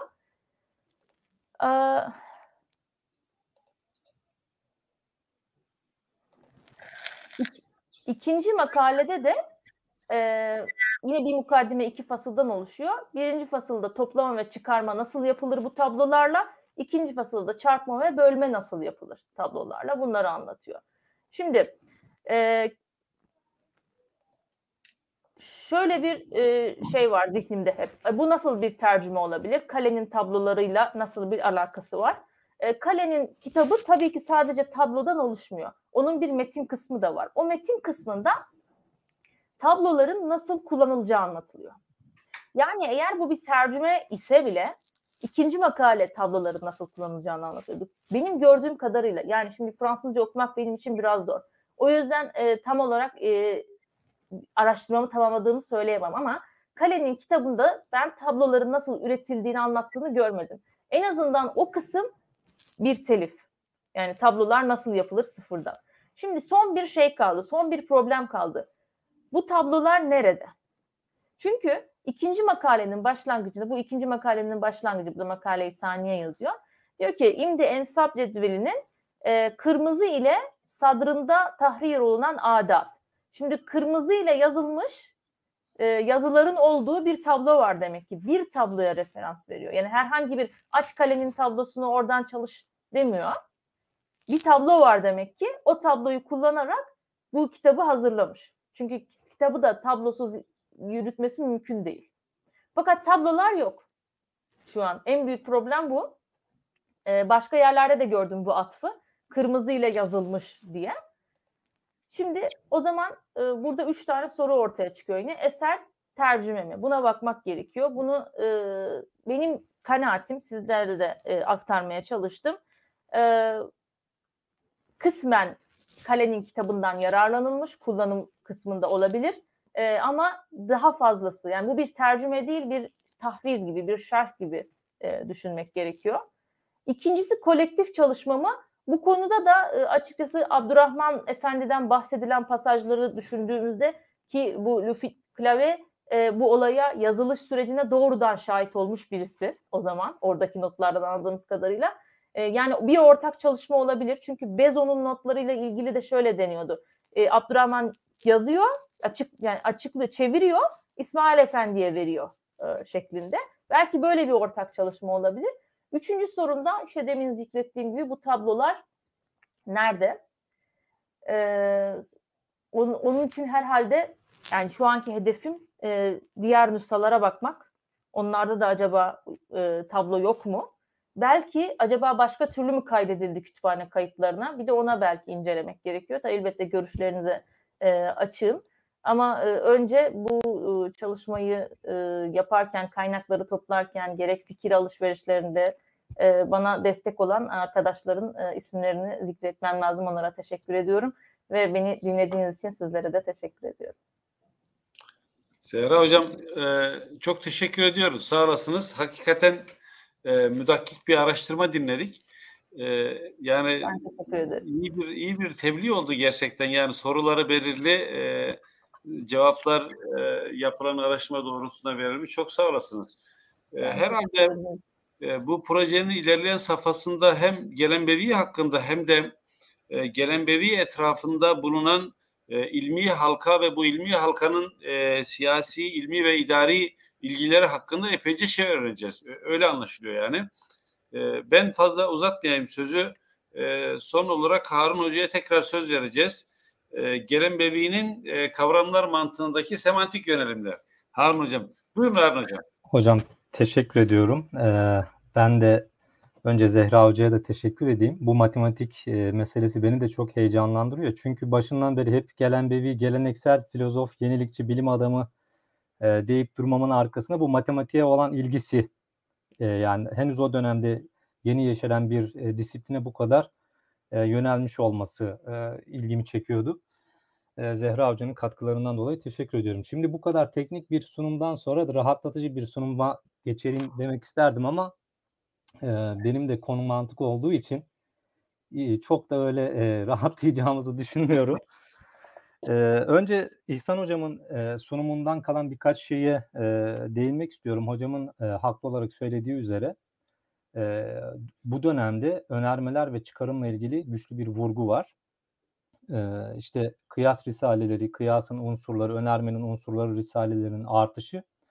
Dahası burada muhteva bakımından da e, benim Aristotelesçiliği aşmak, Aristotelesçi mantığın dışına çıkma eğilimi olarak e, nitelediğim bir şey var. E, burada artık Aristotelesçi yüklemler mantığı yahut yüklemlerden oluşan yüklemli önermelerin meydana getirdiği e, çıkarımların yanında bir o kadar da güçlü olarak görülebilecek bağıntılar mantığına geçiş yani bağıntıların dikkate alındığı e, işte eskiden beri beslene gelen yahut Aristotelesçi tümden gelimin sınırları içerisine sığmayacak şekilde e, yeni çıkarım biçimlerinin araştırıldığı e, bir mantığa doğru e, yöneliş var. Dolayısıyla e, yine bu benim sunum konumda e, bağıntıların kavramlarda ele alınışıyla ilgili ve buna e, bağlı olarak ben İhsan Hocam'ın matematik vurgusuna dil vurgusunu da ekleyeceğim.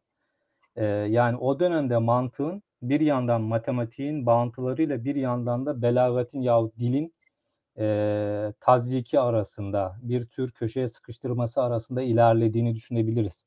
E, sanki hem dilsel unsurlar mantık mantıksallaşıyor hem de matematik e, unsurlar e, mantıksallaşıyor diyebiliriz. Şimdi bunları ifade ettikten sonra aslında gelen bevinin kavramlar mantığında semantik unsurlar diye başlığı attım ama burada sunumda semantik bakış açısı e, dedim. Çünkü bir mantıkta kendinden semantik olan konular var zaten başından beri. Bir de e, işte bu sunumda söylemeye çalışacağım üzere e, dil ulemasının, belagatçı alimlerin e, perspektifinin mantığa giderek yerleşmesi, kendine yer açmasıyla ilgili olarak e, mantıksallıktan semantikliğe doğru bir e, evrilme olduğunu düşündüğüm hususlar var. Şimdi e, bu başlığı atmamın e, saikini açıklamak istiyorum burada. E, bizim nisebi erbaa dediğimiz kavramlar arası bağıntılar meselesi. Bunu açıklamadan önce hocam kavramlar arası bağıntıları ben de kısaca e, değineyim. Yani gelen bebinin burhanında kavramlar arası bağıntıların ele alınış tarzı benim bu başlığı atmamı ve bu konuya eğilmeme e, sebep oldu. E, malumunuz kavramlar arası bağıntılar iki kavram arasındaki kaplamsal ilişkinin incelenmesidir. Yani bir kavramın bir kaplamı vardır, bir de işlemi vardır. Kaplamı e, kapsamına aldığı kendi tikellerini ifade eder. İçlemi ise o kavramın anlamını, mefhumunu ifade eder. Belki modern mantığın deyimiyle gönderim, gönderim ve anlam e, yani çok fregeci olmayacaksa anlam ve gönderim ayrımıyla ifade edilebileceğini düşünüyorum ama her zaman oturmaya da bilir. Her halükarda kavramlar arası e, bağıntılar kavramın e, kaplamlarıyla ilgili olarak bir araştırmadır. Kaplamlar açısından iki kavram arasında ya eşitlik olur ya tam genellik özellik ya kısmi genellik özellik ya da ayrıklık olur. Eğer iki kavramın kaplamı aynıysa eşitlik vardır. Biri diğerinden daha genelse tam genellik, biri diğerinin fertlerini kısmen ele alıyorsa kısmi genellik özellik vardır. Tamamen birbirinden ayrıysa da ayrıklık vardır. Örneklerini zaten burada slaytta görüyoruz. Tam genelliğe işte canlı ve insan, kısmi genelliğe kitap ve beyaz terimleri, ayrıklığa kitap ve kalem terimlerini, gülen ve düşünen terimleri de eşitliğe örnek olabilir. Şimdi fakat burada e, gördüğümüz üzere bütün bu ilişkilerin aranmasının zemini kavramın tümel oluşu. Yani Aristocu ol, oluşu. Kavrama dair bir Aristocu perspektif bize e, bu e, araştırma imkanını sağlıyor. Peki gelen Bevi'de gördüğümüz ve şaşırdığımız husus ne? O da şu. E, aynı tikelin birbirinden farklı iki niteliğinin kavramlar arası bağıntıya dahil edilmesi. Ee, yani bu yazan ve bu gülen yahut bu adam ve bu yazan örneklerinde olduğu gibi. Aslında e, yine fregeci tabirlerle gönderimleri tek, aynı ve hakiki bir tikel. Fakat bu hakiki tikelin nitelikleri mefhumlaşmış. Burada peki bizim şaşırmamızın sebebi ne? Yani biri tarihsel, biri de teorik e, iki gerekçe var. Tarihsel sebebi şu, bu bakış açısı, bu kavramlar arası bağıntılar meselesinin tam ifadesinin ortaya çıktığı 13. yüzyıldaki metinlerde yok. Yani o dönemdeki metinlerde iki tikel e, bu şekilde bağıntı e, araştırmasına konu olmaz. İki tikel kavram diyelim. E, teorik olarak şaşırmamızın yani gerekçe teorik gerekçesi de şu. Bağıntılar sadece tümeller arasında zaten dikkate alınır. Ya kaplamlar arasındaki ilişkiyi ele alacağımıza göre kaplamına birden çok şeyin girebilir olması gerekir. Bir bağıntının ele alınabilmesi için. Aksi halde iki tikel arasında sadece ayrıklık ilişkisi olabilir. Ee, yani tümellik burada kavramlar arası bağıntıların zemini oluşturmaktaydı. Ee, Aristoteles'e göre zaten e, tümel tabii türleri gösteren, tabii sınıfları gösteren bir şey olması gerekir. Güçlü bir biyolog olduğu için. Şimdi gelen bebiye geldiğimizde mevzu şuraya geliyor. Bu gülen ve bu yazan ifadelerindeki bu olmaklık, gelen bevinin tabiriyle haziyet, orijinal ifadeleri de hazad dahik, hazel katip. Bu haziyet mefhumlaşmış ve mefhumlaştıkları için kavrama dönüşüyor. Bir içlem, bir tazammun kazanıyor. Fakat aynı tikel nesneye gönderimde bulundukları için hala tikel. Dolayısıyla hem tikel ama kavramlar arası bağıntıya dahil edilmiş. Çünkü itibari tikel, hakiki tikel değil. Şimdi burada bir operasyon değişimi var. Ben bu operasyon değişiminin bir yanının mantıksal, bir yanının Taftazani İci'nin baz e, tartışmalarında kökenini bulduğunu varsayıyorum. E, bunu açıklayacağım. Şimdi e, ama her halükarda şöyle bir e, neticeyi görebiliyoruz biz. E, bağıntılar ancak tümeller arasında geçerlidir kuralı esnetilmiş mantık açısından. Burhan'ı okuduğumuzda, Burhan'a gelinceye kadar. İkincisi de e, bu şu gibi adlar, işaret adları kavramlaştırılmış. Zaten mevzu burada e, kopuyordu biliyorsunuz. İyici'nin Vaz Risalesindeki esas problem e, bu müphemat adı altında ele alınan işaret adlarıydı. Şimdi bu değişimin tarihsel kökenine baktığımızda aslında bağıntılar meselesi e, İsa Guci kitaplarından e, ortaya çıkar. Konu şu, e, beş tümel kavramın kendileri arasında değil de tümeller arasındaki ilişkiler. Yani tür olan bir kavramla cins olan bir kavram arasındaki genellik özellik ilişkisi. Yahut bu beş tümelin her birinin cinsle, türün, türle, faslın ortak yahut farklı yönleri meselesi. Fakat bunu iki kavram arasındaki e, bağıntı olarak ifadelendiren e, ve e, bugün bizim anladığımız haliyle e, dört bağıntı şeklinde ele almamızı sağlayan e, formülasyon Razi'nin mülahhasında tam ifadesi değilse bile e, Razi'nin mülahhasında ortaya çıkıyor. Huneci bu dört bağıntının her birisini açık isimleriyle zikrediyor. Katibi e, yine iki tümel kavram arasındaki ilişki şeklinde el külliyan arasındaki ilişki şeklinde ele alıyor. Fakat ilk defa Kutbuddin Er-Razi zaten o zamana kadar öyle olmasına rağmen e, Şemsiye şerhinde, katibinin Şemsiye şerhinde nisep ancak külliler arasında aranmalıdır diye bunu açıkça ifade etme ihtiyacı hissediyor. Neden? Çünkü e, bu dönemde Taftazani Şemsiye şerhine kıyle şartıyla işte bak hazel dahik hazel katip bu gülen bu yazan ifadeleri arasında da bağıntı aranabilir diye bir görüş ortaya koyuyor.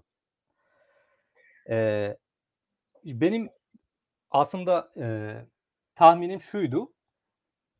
Ta, Taftazani'nin bunu Şemsiye şerhiyle birlikte e, kavramlar arası bağıntılara dahil ettiğini, arkasında da İci ile yaşadığı baz e, tartışması ve İci'ye karşı eski dilcilerin pozisyonunu devam ettirmesi e, görüşünü sürdürdüğünü varsayıyordum ki bu varsayımı destekleyecek e, bir unsur e, İsferaini'nin e, tezli paşiyesinde e, bulunuyor. Tezli paşiyesinde İsferaini bu benim söylediğimi e, nisep bu kavramlar arası bağıntıların ele alındığı kısımda e, aynen şu şekilde e, ifade ediyor. Diyor ki bu kurala ilk defa e, musannif yani Taftazani itiraz etti ve haza daik hazel katip örneklerini verdi.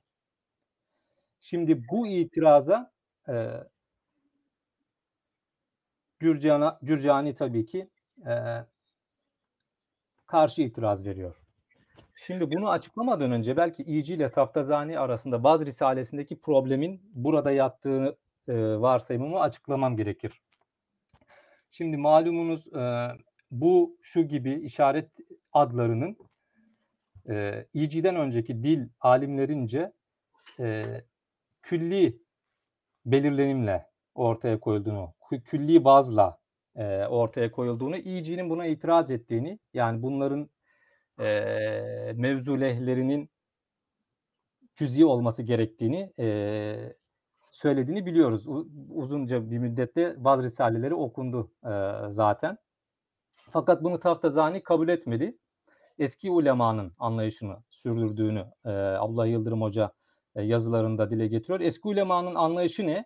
Bu ve şu gibi terimlerin her ne kadar kullanımda tek tek fertleri işaret edecek şekilde e, kullan, kullanılsalar dahi manaları bakımından her birinde bu olmak ve şu olmak şeklindeki külli anlamları taşıdığı. E, işte benim gördüğüm bu Taftazani'yi takip eden, Taftazani, e, Devvani, İsferayini, İsferayini'nin öğrencisi Mirebil Fetih ve ona bir şerh yazan Gelen Bevi'nin, haşiye yazan Gelen Bevi'nin e, bu vaz pozisyonuna uygun bir biçimde burada zikre geçen e, işaret adlarının külli bir mefhuma sahip olduğu ve bu külli mefhumdan dolayı da öteki tikeller gibi hakiki değil, itibari tikel olduğunu ve bu yüzden e, mefhumlaştırıldığını ve nisebe erbaya dahil edilebileceğini savunmaları. Burayı toparlayacak olursak Taftazani'nin bazı risa, e, risalesine risalesindeki tartışmaya e, bağlı olarak bu iyicinin getirdiği yeniliği kabul etmeyip eski dilcilerin alışkanlıklarını e, kabulünü sürdürmesi ve dahası bunu mantıksallaştırması, e, mantığın bir unsuru haline getirmesi. Dolayısıyla Aristoteles'in tümelleri arasında sadece dikkate alınan bir e, konuyu ma- belagatın mefhumuna da genişletmesi. Yani mantıkta bir yeni kavram anlayışı. Sadece tümel odaklı değil de sadece kaplamları açısından değil de mefhumu bakımından da kavramın mantıksal olarak ele alınabileceğini e, savunduğunu görüyoruz ve Gelen Bevi'nin e, bu anlayışı tasavvurattaki öteki konulara da genişlettiğini görüyoruz. Şimdi e, bu konuları da zikredip toparlayacağım inşallah. Burada yine e, e, bu e, bahsetmiş olduğum e, bu şu gibi sadece mefhumu olmak bakımından kavramlar arası bağıntılara dikkat e, dahil edilen e, kavramların tartışıldığı bir literatür var. İşte Kutbuddin Er-Razi Şemsiye şerhinde e, bunun sadece tümellerde aranması gerektiğini zikrederken Taftazani yine Şemsiye şerhinde bu şekilde itibari tikellerde de e, aranabileceğini dile getiriyor. Seyit Şerif ise şöyle bir itiraz ortaya koyuyor hocam. Burada itibari tikele eğer yani bir kere kendisi itibari tikele itibar etmiyor. İkincisi biz bu gülen ve bu yazan ifadelerini şayet birbirlerine yüklem olabilecek şekilde e, kavrama dönüştürürsek tikelleri tümelleştirmiş oluruz gibi bir itiraz getiriyor. Çünkü Seyyid Şerif'in zihninde sadece mefhum olmak bakımından bir kavramın tümelleşmesi nosyonu yok ve buna bunu kabule yanaşmıyor. E, buna en güçlü cevap ise İsferayini'den geliyor. İsferayini bu konuyu oldukça e, ayrıntılı bir şekilde ele alıyor. Yani külli kadar cüz'i araştırıyor neredeyse tezip haşiyesinde ve şöyle söylüyor İsferayini. Bir kavramın e, tümel oluşundaki nirengi noktası e, müteassil fil vücut olan birden çok şeye yüklenebilir olması. Yani varlıkta birden çok şeye yüklenebilir olması. Oysa diyor bu gülen ve bu yazan ifadeleri varlıkta birden çok şeye yüklem olmuyorlar. Varlıktaki tek bir şeye yüklem oluyorlar Dolayısıyla teaddüdü cüz'iyat dediğimiz hakiki cüz'ilerin birden çok olması gibi bir risk yok. Dolayısıyla tikelin tümelleşmesi gibi bir sonuca yol açmıyor. Cürcani'nin itiraz ettiği gibi. Öte yandan itibari tikellik fikrinden dolayı da e, bu kavramlar sadece e, kaplamına bakılmadan da sırf mefhumu bakımından da kavram olmak e, vasfına sahip. E, çünkü e, kavramın tazammunu ortaya çıkıyor. Bu yüzden e, iki kavram arasında itibari itikel olmalarına rağmen biz eşitlik ilişkisi arayabiliriz e, şeklindeki iddiayı savunuyor İsferaini ve Gelenbevi de e, bu nosyonu sürdürüyor dahası başka konulara e, genişletiyor. Yani şöyle diyelim aslında bu burada netice olarak baktığımızda belagatın mefhumunun e, mantığın e, tümeli gibi ele alındığını yahut mantı, mantığın ontik merkezli, ontoloji merkezli kavram anlayışına alternatif olarak belagatın semantik merkezli kavram anlayışının tasavvurata sızdığını ve yer edindiğini e, görüyoruz. Ve sadece bu nisebi erbada değil, kavramlar arası bağıntılarda değil, gelen Bevi'nin burhanında başka konularda da bu e, semantik bakış açısının ve belagat unsurunun e, görüldüğünü e, ifade edebilirim. Nedir bu konular? Delalet zaten e, mantıksal bir konu olmakla birlikte delalet e, kökeninde vaz olgusunu barındırdığı için yani e, mantığın ele aldığı konu bir sözcüğün anlamına delaleti fakat bir sözcüğün anlamına delaleti ancak ve ancak o sözcüğün vazı ile mümkün olur. Vaz burada sözcüğün anlamına delaletinin e, vasıtasıdır. Bu bakımdan zaten delalet konusu kavramların gönderimi konusu kendinde semantik bir konu. E, fakat gelen Bevi'nin lafızlar taksimine baktığımızda tasavvuratta e, mantıkçıların lafızlar taksimini aşacak derecede belagatın lafız taksimine yer verdiğini ve hatta bazı şairlerin ki bunlardan birisi Abdülnafi e, bu hususta gelen bebeği eleştirdiğini görüyoruz. Yani e, bu kadar da değil. Tamam mantık zaten belagatla nispeten anlamla ilişkili ancak sen burada neredeyse belagatın ayrımlarını getirmişsin gibi bir itiraz dile getirdiğini e, görüyoruz. Ama her halükarda gelen bebi bunu rahatça e, sürdürüyor tavrını. E, kavramlar arası bağıntılar esas unsurumuzdu onu zikrettik.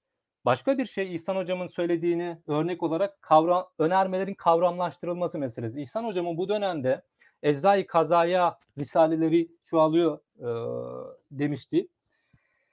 E, bu Eczai Kazaya risalelerinde sadece önermelerin unsurları arasındaki ilişki dikkate alınmıyor. Önermelerin unsurları kavramlaştırılıyor.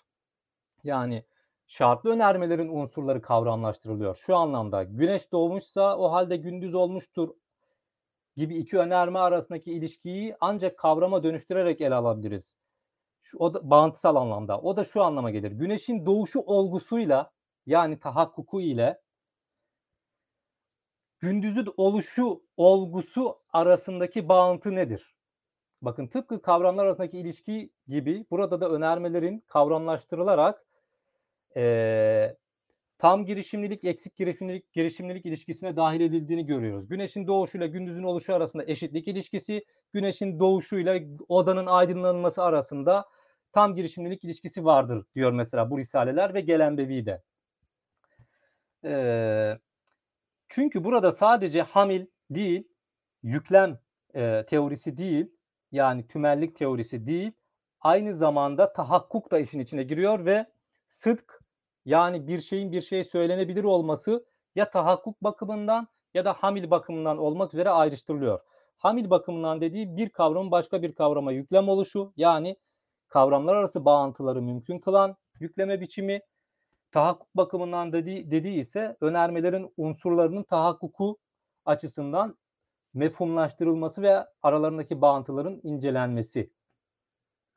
Bütün bunlar e, ve nihayetinde gelen Bevi'nin tasavvurat kısmının e, bir e, tarafında hususen kavramın sırf kavram olması bakımından dahi yani sadece içlemi bakımından dahi kendi ifadesiyle mefhum sırf zatı bakımından bile nisebe dahil edilebilir vurgusunu e, görüyoruz. Bunların örneklerini verelim. Delaletin zaten kendinde e, dilsel olduğunu söyledik. Lafızlar taksiminde bakın. Mecaz ve kinaye şemsiyede gelen bebinin haşiyesini yazdığı tehzipte Teftazani'nin metninde var. Fakat istiare, istiarenin çeşitleri olan te, istiare-i temsiliye, musarraha, asliye, tebeiye, mekniye ve tahyiliye, tahyiliye e, kısımlarının uzun uzadıya yani haşiyesiyle birlikte yahut haşiyeleriyle birlikte bu şekilde tasnife dahil edilmesi bir e, mantık metninin kavramlar tasnifini e, doldurması şaşırtıcı. Hatta kendisi bile bunun yani hakikat ve mecaz türlerinin bu kadar e, ayrıntılandırılmasının garip karşılanabileceğini gelen Bevi ifade ediyor.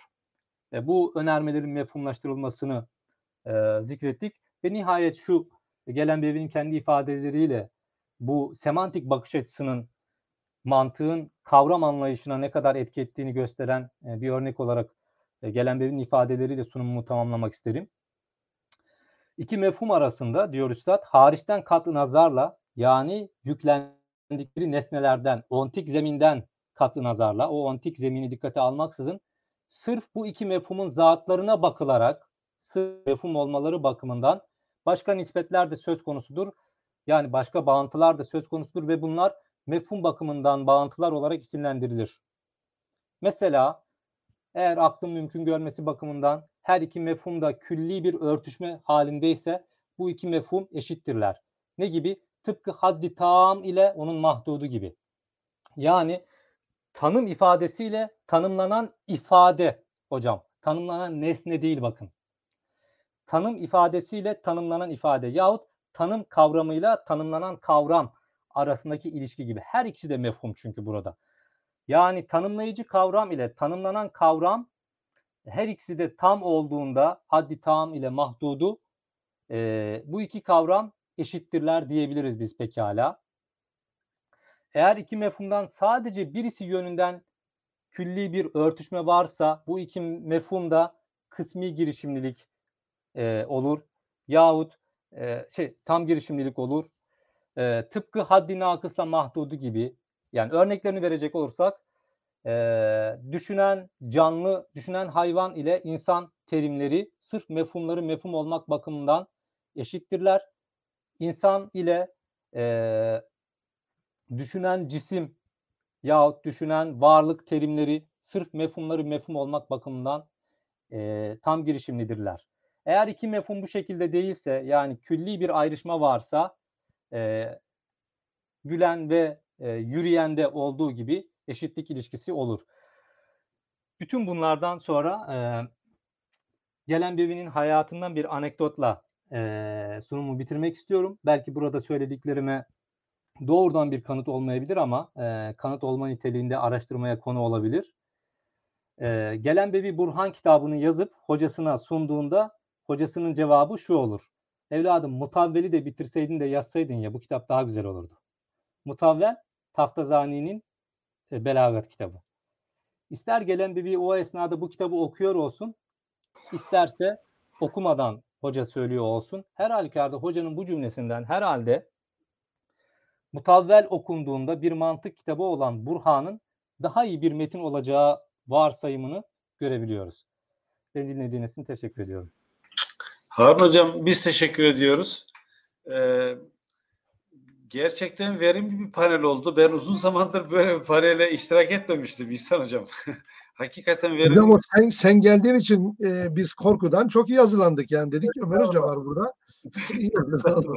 Vallahi gerçekten Harun Hocam da Zehra Hocam da hakikaten iyi çalışmışlar. Allah razı olsun. İhsan Hocam zaten çok e, bütün resmi çizen bir konuşma yaptı. Harun Hoca benim kafamı karıştırdı Ömer Hocam. Yani çok e, yeni iddialar var burada. Evet, Değil mi? iddialı var. Bunları, bunları temellendirmek lazım. E, maşallah yani e, o zaman demek ki oldukça velüt bir ortam var her konuda. Evet. Yani Hocam bir klasik- o bir de şöyle bir durum var.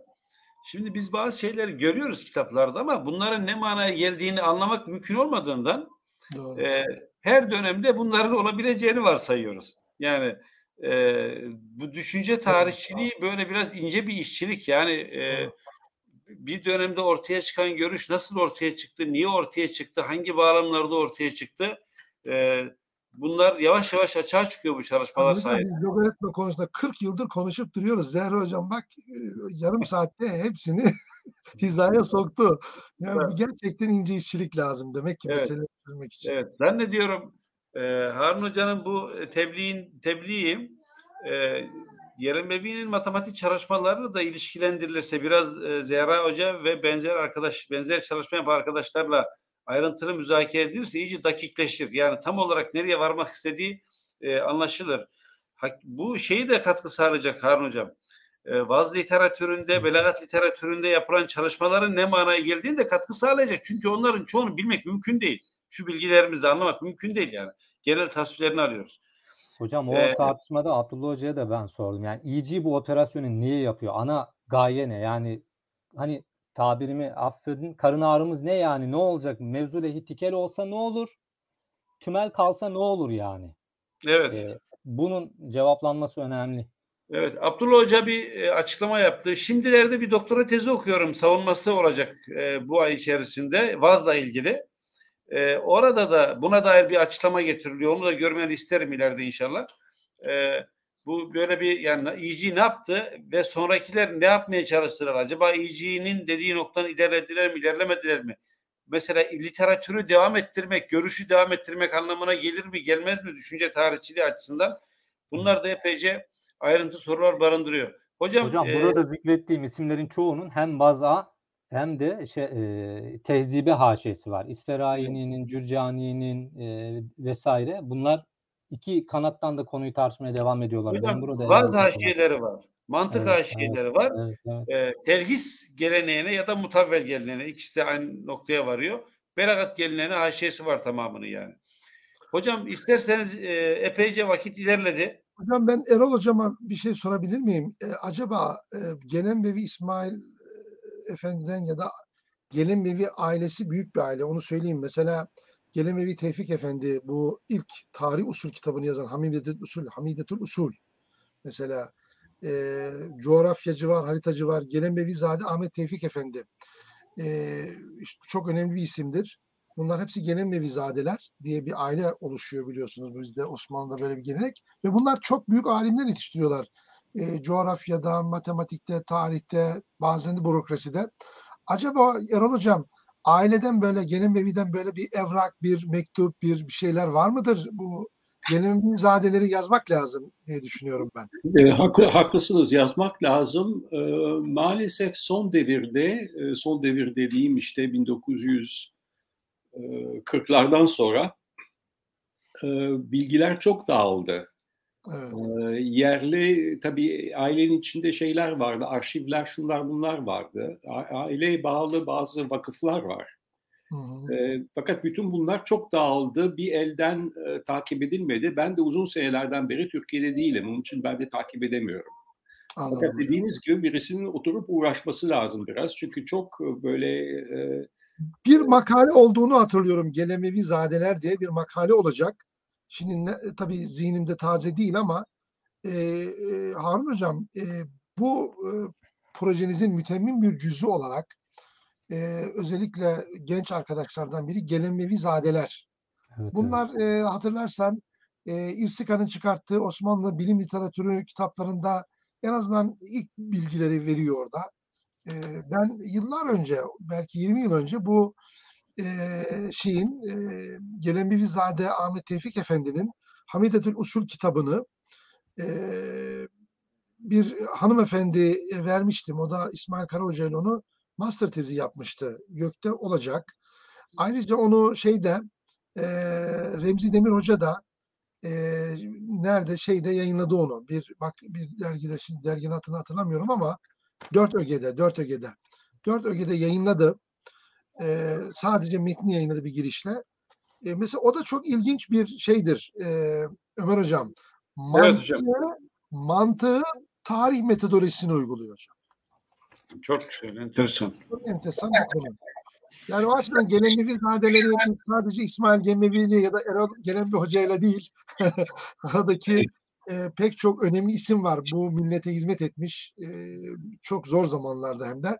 Bence bir Gelemevi Zadeler kitabı e, makalesi önce sonra bir kitabı yazılması lazım. Hocam bir başlığımız var zaten. Gelen Bevi ailesi ve e, hani Türkiye'deki entelektüel hayata tesiri gibi E, bulabildiğimiz malzeme oranında e, hacmini belirleriz inşallah. Ama böyle bir başlığımız var. Sizin de katkılarınızla detaylandırırız Ben, inşallah. bendeki malzemeleri veririm tabii. Ben Bir çalışamam. ama bibliografyadan başlanılamaz mı acaba? Bir bibliografik eser yani sadece hangi belgeler var ve ne, nerede diye Hı hı. bir bibliografik eser olması faydalı olur. Tabii hocam şimdi e, bizim Osmanlı müelliflerinde Sicilli Osmani'de son dönem ansiklopedi kitaplarda olur. Arşivden tanımalar yapılır. E, çünkü çok bürokrat var aileden. Milli Eğitim Bakanlıklarında çalışan yapan filan. E, eser yazan var. E, coğrafya öğretmeni hatırlıyorum bir tane gelen bir vizade coğrafya kitabı hazırlamış 4-5 tane. Yani onlar benim tabii eski bilgilerim açıkçası söyleyeyim yani 25-30 yıl önceki bilgiler. E, ama bu malzeme bende var. Veririm onu ben Harun Hocam size e, genç bir arkadaşımız bu gelen bir vizade e, bir entelektüel aile bak başlığında koydum bir entelektüel aile gelin bir vizadeler diye e, böyle bir şey yazılabilir. Hocam gelen Bevi masasının başında zaten inşallah e, hocalarım olacak. Ben onları asiste edeceğim yani. Eyvallah. Peki, Evet. teşekkür ediyoruz. Erol Hocam özellikle lütfettiniz, şeref verdiniz. Çok teşekkür ederiz. Efendim ben teşekkür ederim. Sağ olun. Zehra Hocam Ben size de çok ilgiyle, teşekkür ederim. e, Çok ilgiyle dinledim. Eyvallah. Şimdi e, bir şey daha söylemek istiyordum. Hocam, Onu da biliyorsunuz yani bilinen şeylerden. Şimdi Zehra Hanım e, çok güzel bir şekilde e, logaritma konusuna girdi ve onun önemini anlattı. Onun hesap usullerini falan anlattı. Yalnız anlaşılan e, Gelenbevi İsmail e, e, şu şekilde ben şu şekilde anlıyorum onun e, matematiksel yaklaşımı. Şimdi şey alırsınız e, e, Newton e, mekaniğinden bahsedildi. E, top atışına bakarsanız hani bilinen hikaye bir yerde top atışları oluyor. Humbracı ocağı atışlar yapıyor. Galiba 3. Selim zamanında e, başarılı atışlar olmuyor. E, etrafa soruyor e, kim bunu düzeltebilir diye yahut da şey edebilir diye padişah işte diyorlar ki gelen bevi burada onu soruyoruz ona soralım. Adam oturuyor herhalde bir yarım saat falan hesap yapıyor geliyor tekrar atışı şöyle yapın diyor ve neticeler çıkıyor. Tabii kendisi şimdi ne, ne, ne, ne şöyle diyor, e, ben olsaydım hani oturup şey yapardım bir trajektuar yani nereden nereye atılıyor trajectory hesabı e, yap, yapardım. E, o şekilde Newton mekanik, mekaniğini kullanıp bir şeyler yapabilirdim belki yani fakat tabii pek e, şey de olmazdı. E, çünkü havanın etkisi var, e, şeyin barutun kalitesi var vesaire vesaire. Yani bir sürü şey var. Adam oturuyor bir trajektuar çiziyor herhalde geometrik olarak ve hesabı yapabiliyor. O şekilde çok hızlı bir şekilde hesap yapabiliyor. Ee, benim düşündüğüm tabii bu logaritma üzerinde çok duruluyor ama bu adamcağızın başka e, logaritmadan çok başka geometrik hesap üzerinde hünerleri var. Doğru hocam. Misa kitabını bulduk yeni. Yazma. Yani Misa demek uygulamalı geometri demek. Bu kitap e, Harun hocam seni haberdar ettim bundan ben. Evet Misaları evet da hocam. Hı hı. Belki orada e, Erol hocam tabii bir bilim adamı olarak hemen bunu hissetti. Doğru. Pratik yani uygulamalı geometri kitabı var. E, bilinmiyordu bu. Yeni bulundu. Dolayısıyla orada belki bu tür e, çizimler çıkabilir. Şimdi şöyle bir şeyler var. Ee, Bir e, modern bir yaklaşım var, nispeten modern. Fransa'da e, 1950-60 yıllarında birisi, Bezier diye birisi, computer graphics'in computer graphics'in geometrik hızlı hesap usulünü ortaya çıkarıyor. Tamam mı? Newton mekaniği kullanmıyor. Sadece teğetlerin zamanla değiş- değişen teğetler anlayışı. Yani bir trajektuar aslında zamanla değişen bir teğet. Tamam mı? Yahut da bir e, şey bir eğri üzerinde değişen bir teğet meselesi. O tipte hesaplar çıkarıyor. E, benim merak ettiğim aslında Osmanlılar'da e, buna benzer hesaplar zaten yok muydu? E, muhakkak vardı. Muhakkak vardı. E, nereden geliyordu? Çünkü esasında Osmanlılar mesela top atışını çok e, erken zamandan ortaya çıkaran bir grup. 13. asırda, 14. asırda bir sürü savaşı top Yıldırım. Beyazıt döneminden beri var hocam. Yani 1389'dur Yıldırım Beyazıt'ın tahta geçmesi. O Evet. zamandan beri var Ankara Savaşı'nda bir Evet, kullanıldığı evet. Ayrıca mesela bütün İran'la şeylerde İran'la olan bana İran'da anlattılar bunu. İran'la olan bütün e, savaşlarda bir, zaman yani İran'la savaşlar kısa zamanda bitiyor. Çünkü bir noktada anlıyorlar ki onları yenemeyecekler. Onlar da Osmanlıları yenemeyecek denge kuruluyor. O zamandan beri de savaş, olmuyor. Fakat bir, bir ilk devirde çok fazla çatışma oluyor ve o çatışmalarda Osmanlılar daima topla e, topla hakim. İranlılar da ötekiler Osmanlılar da topları taşıdıkları için biliyorlar ki yavaş hareket edebiliyorlar. Devamlı kaçıyorlar.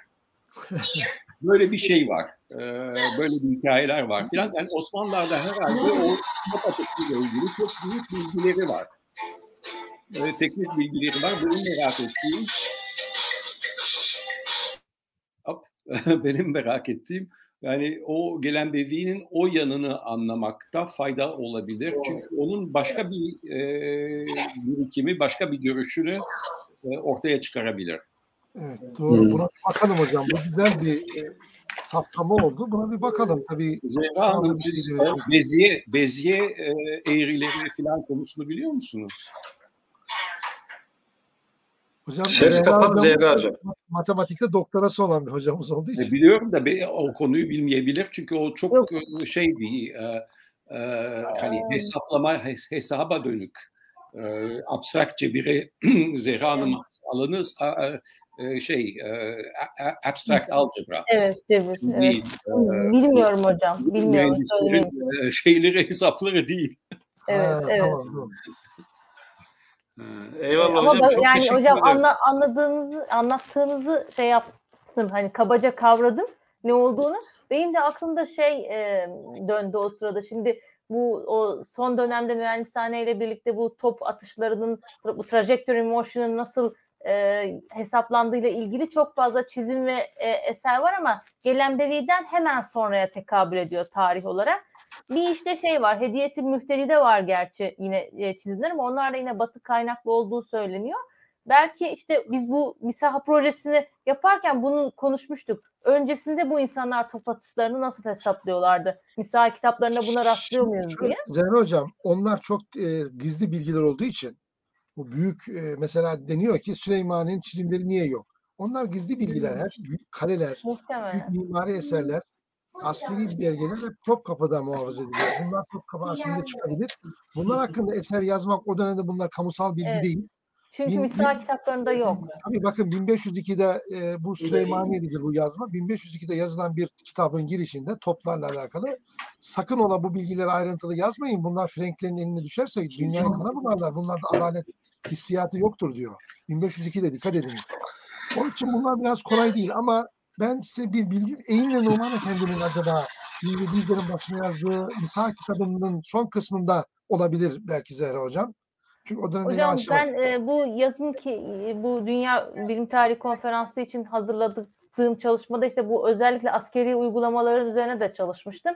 Orada örnekleri yanlış hatırlamıyorsam bir tek Hediyetül Mühtedi'de bir tabii de geç e, evet. Mecmual Mühendisinde yani Tamani'nin e, şey, mecmuasında buldum. Daha geç dönem yani.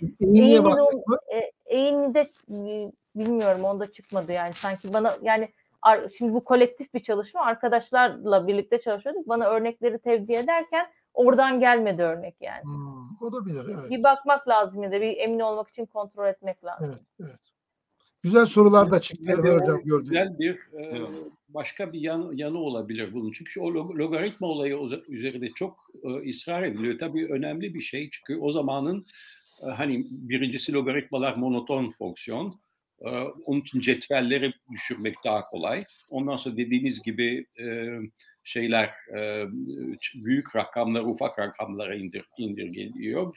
Yani bir sürü biz mesela mühendislik okurken hala hani 1960 yıllarında devamlı logaritmik şey, e, logaritmik cetveller kullanırdık.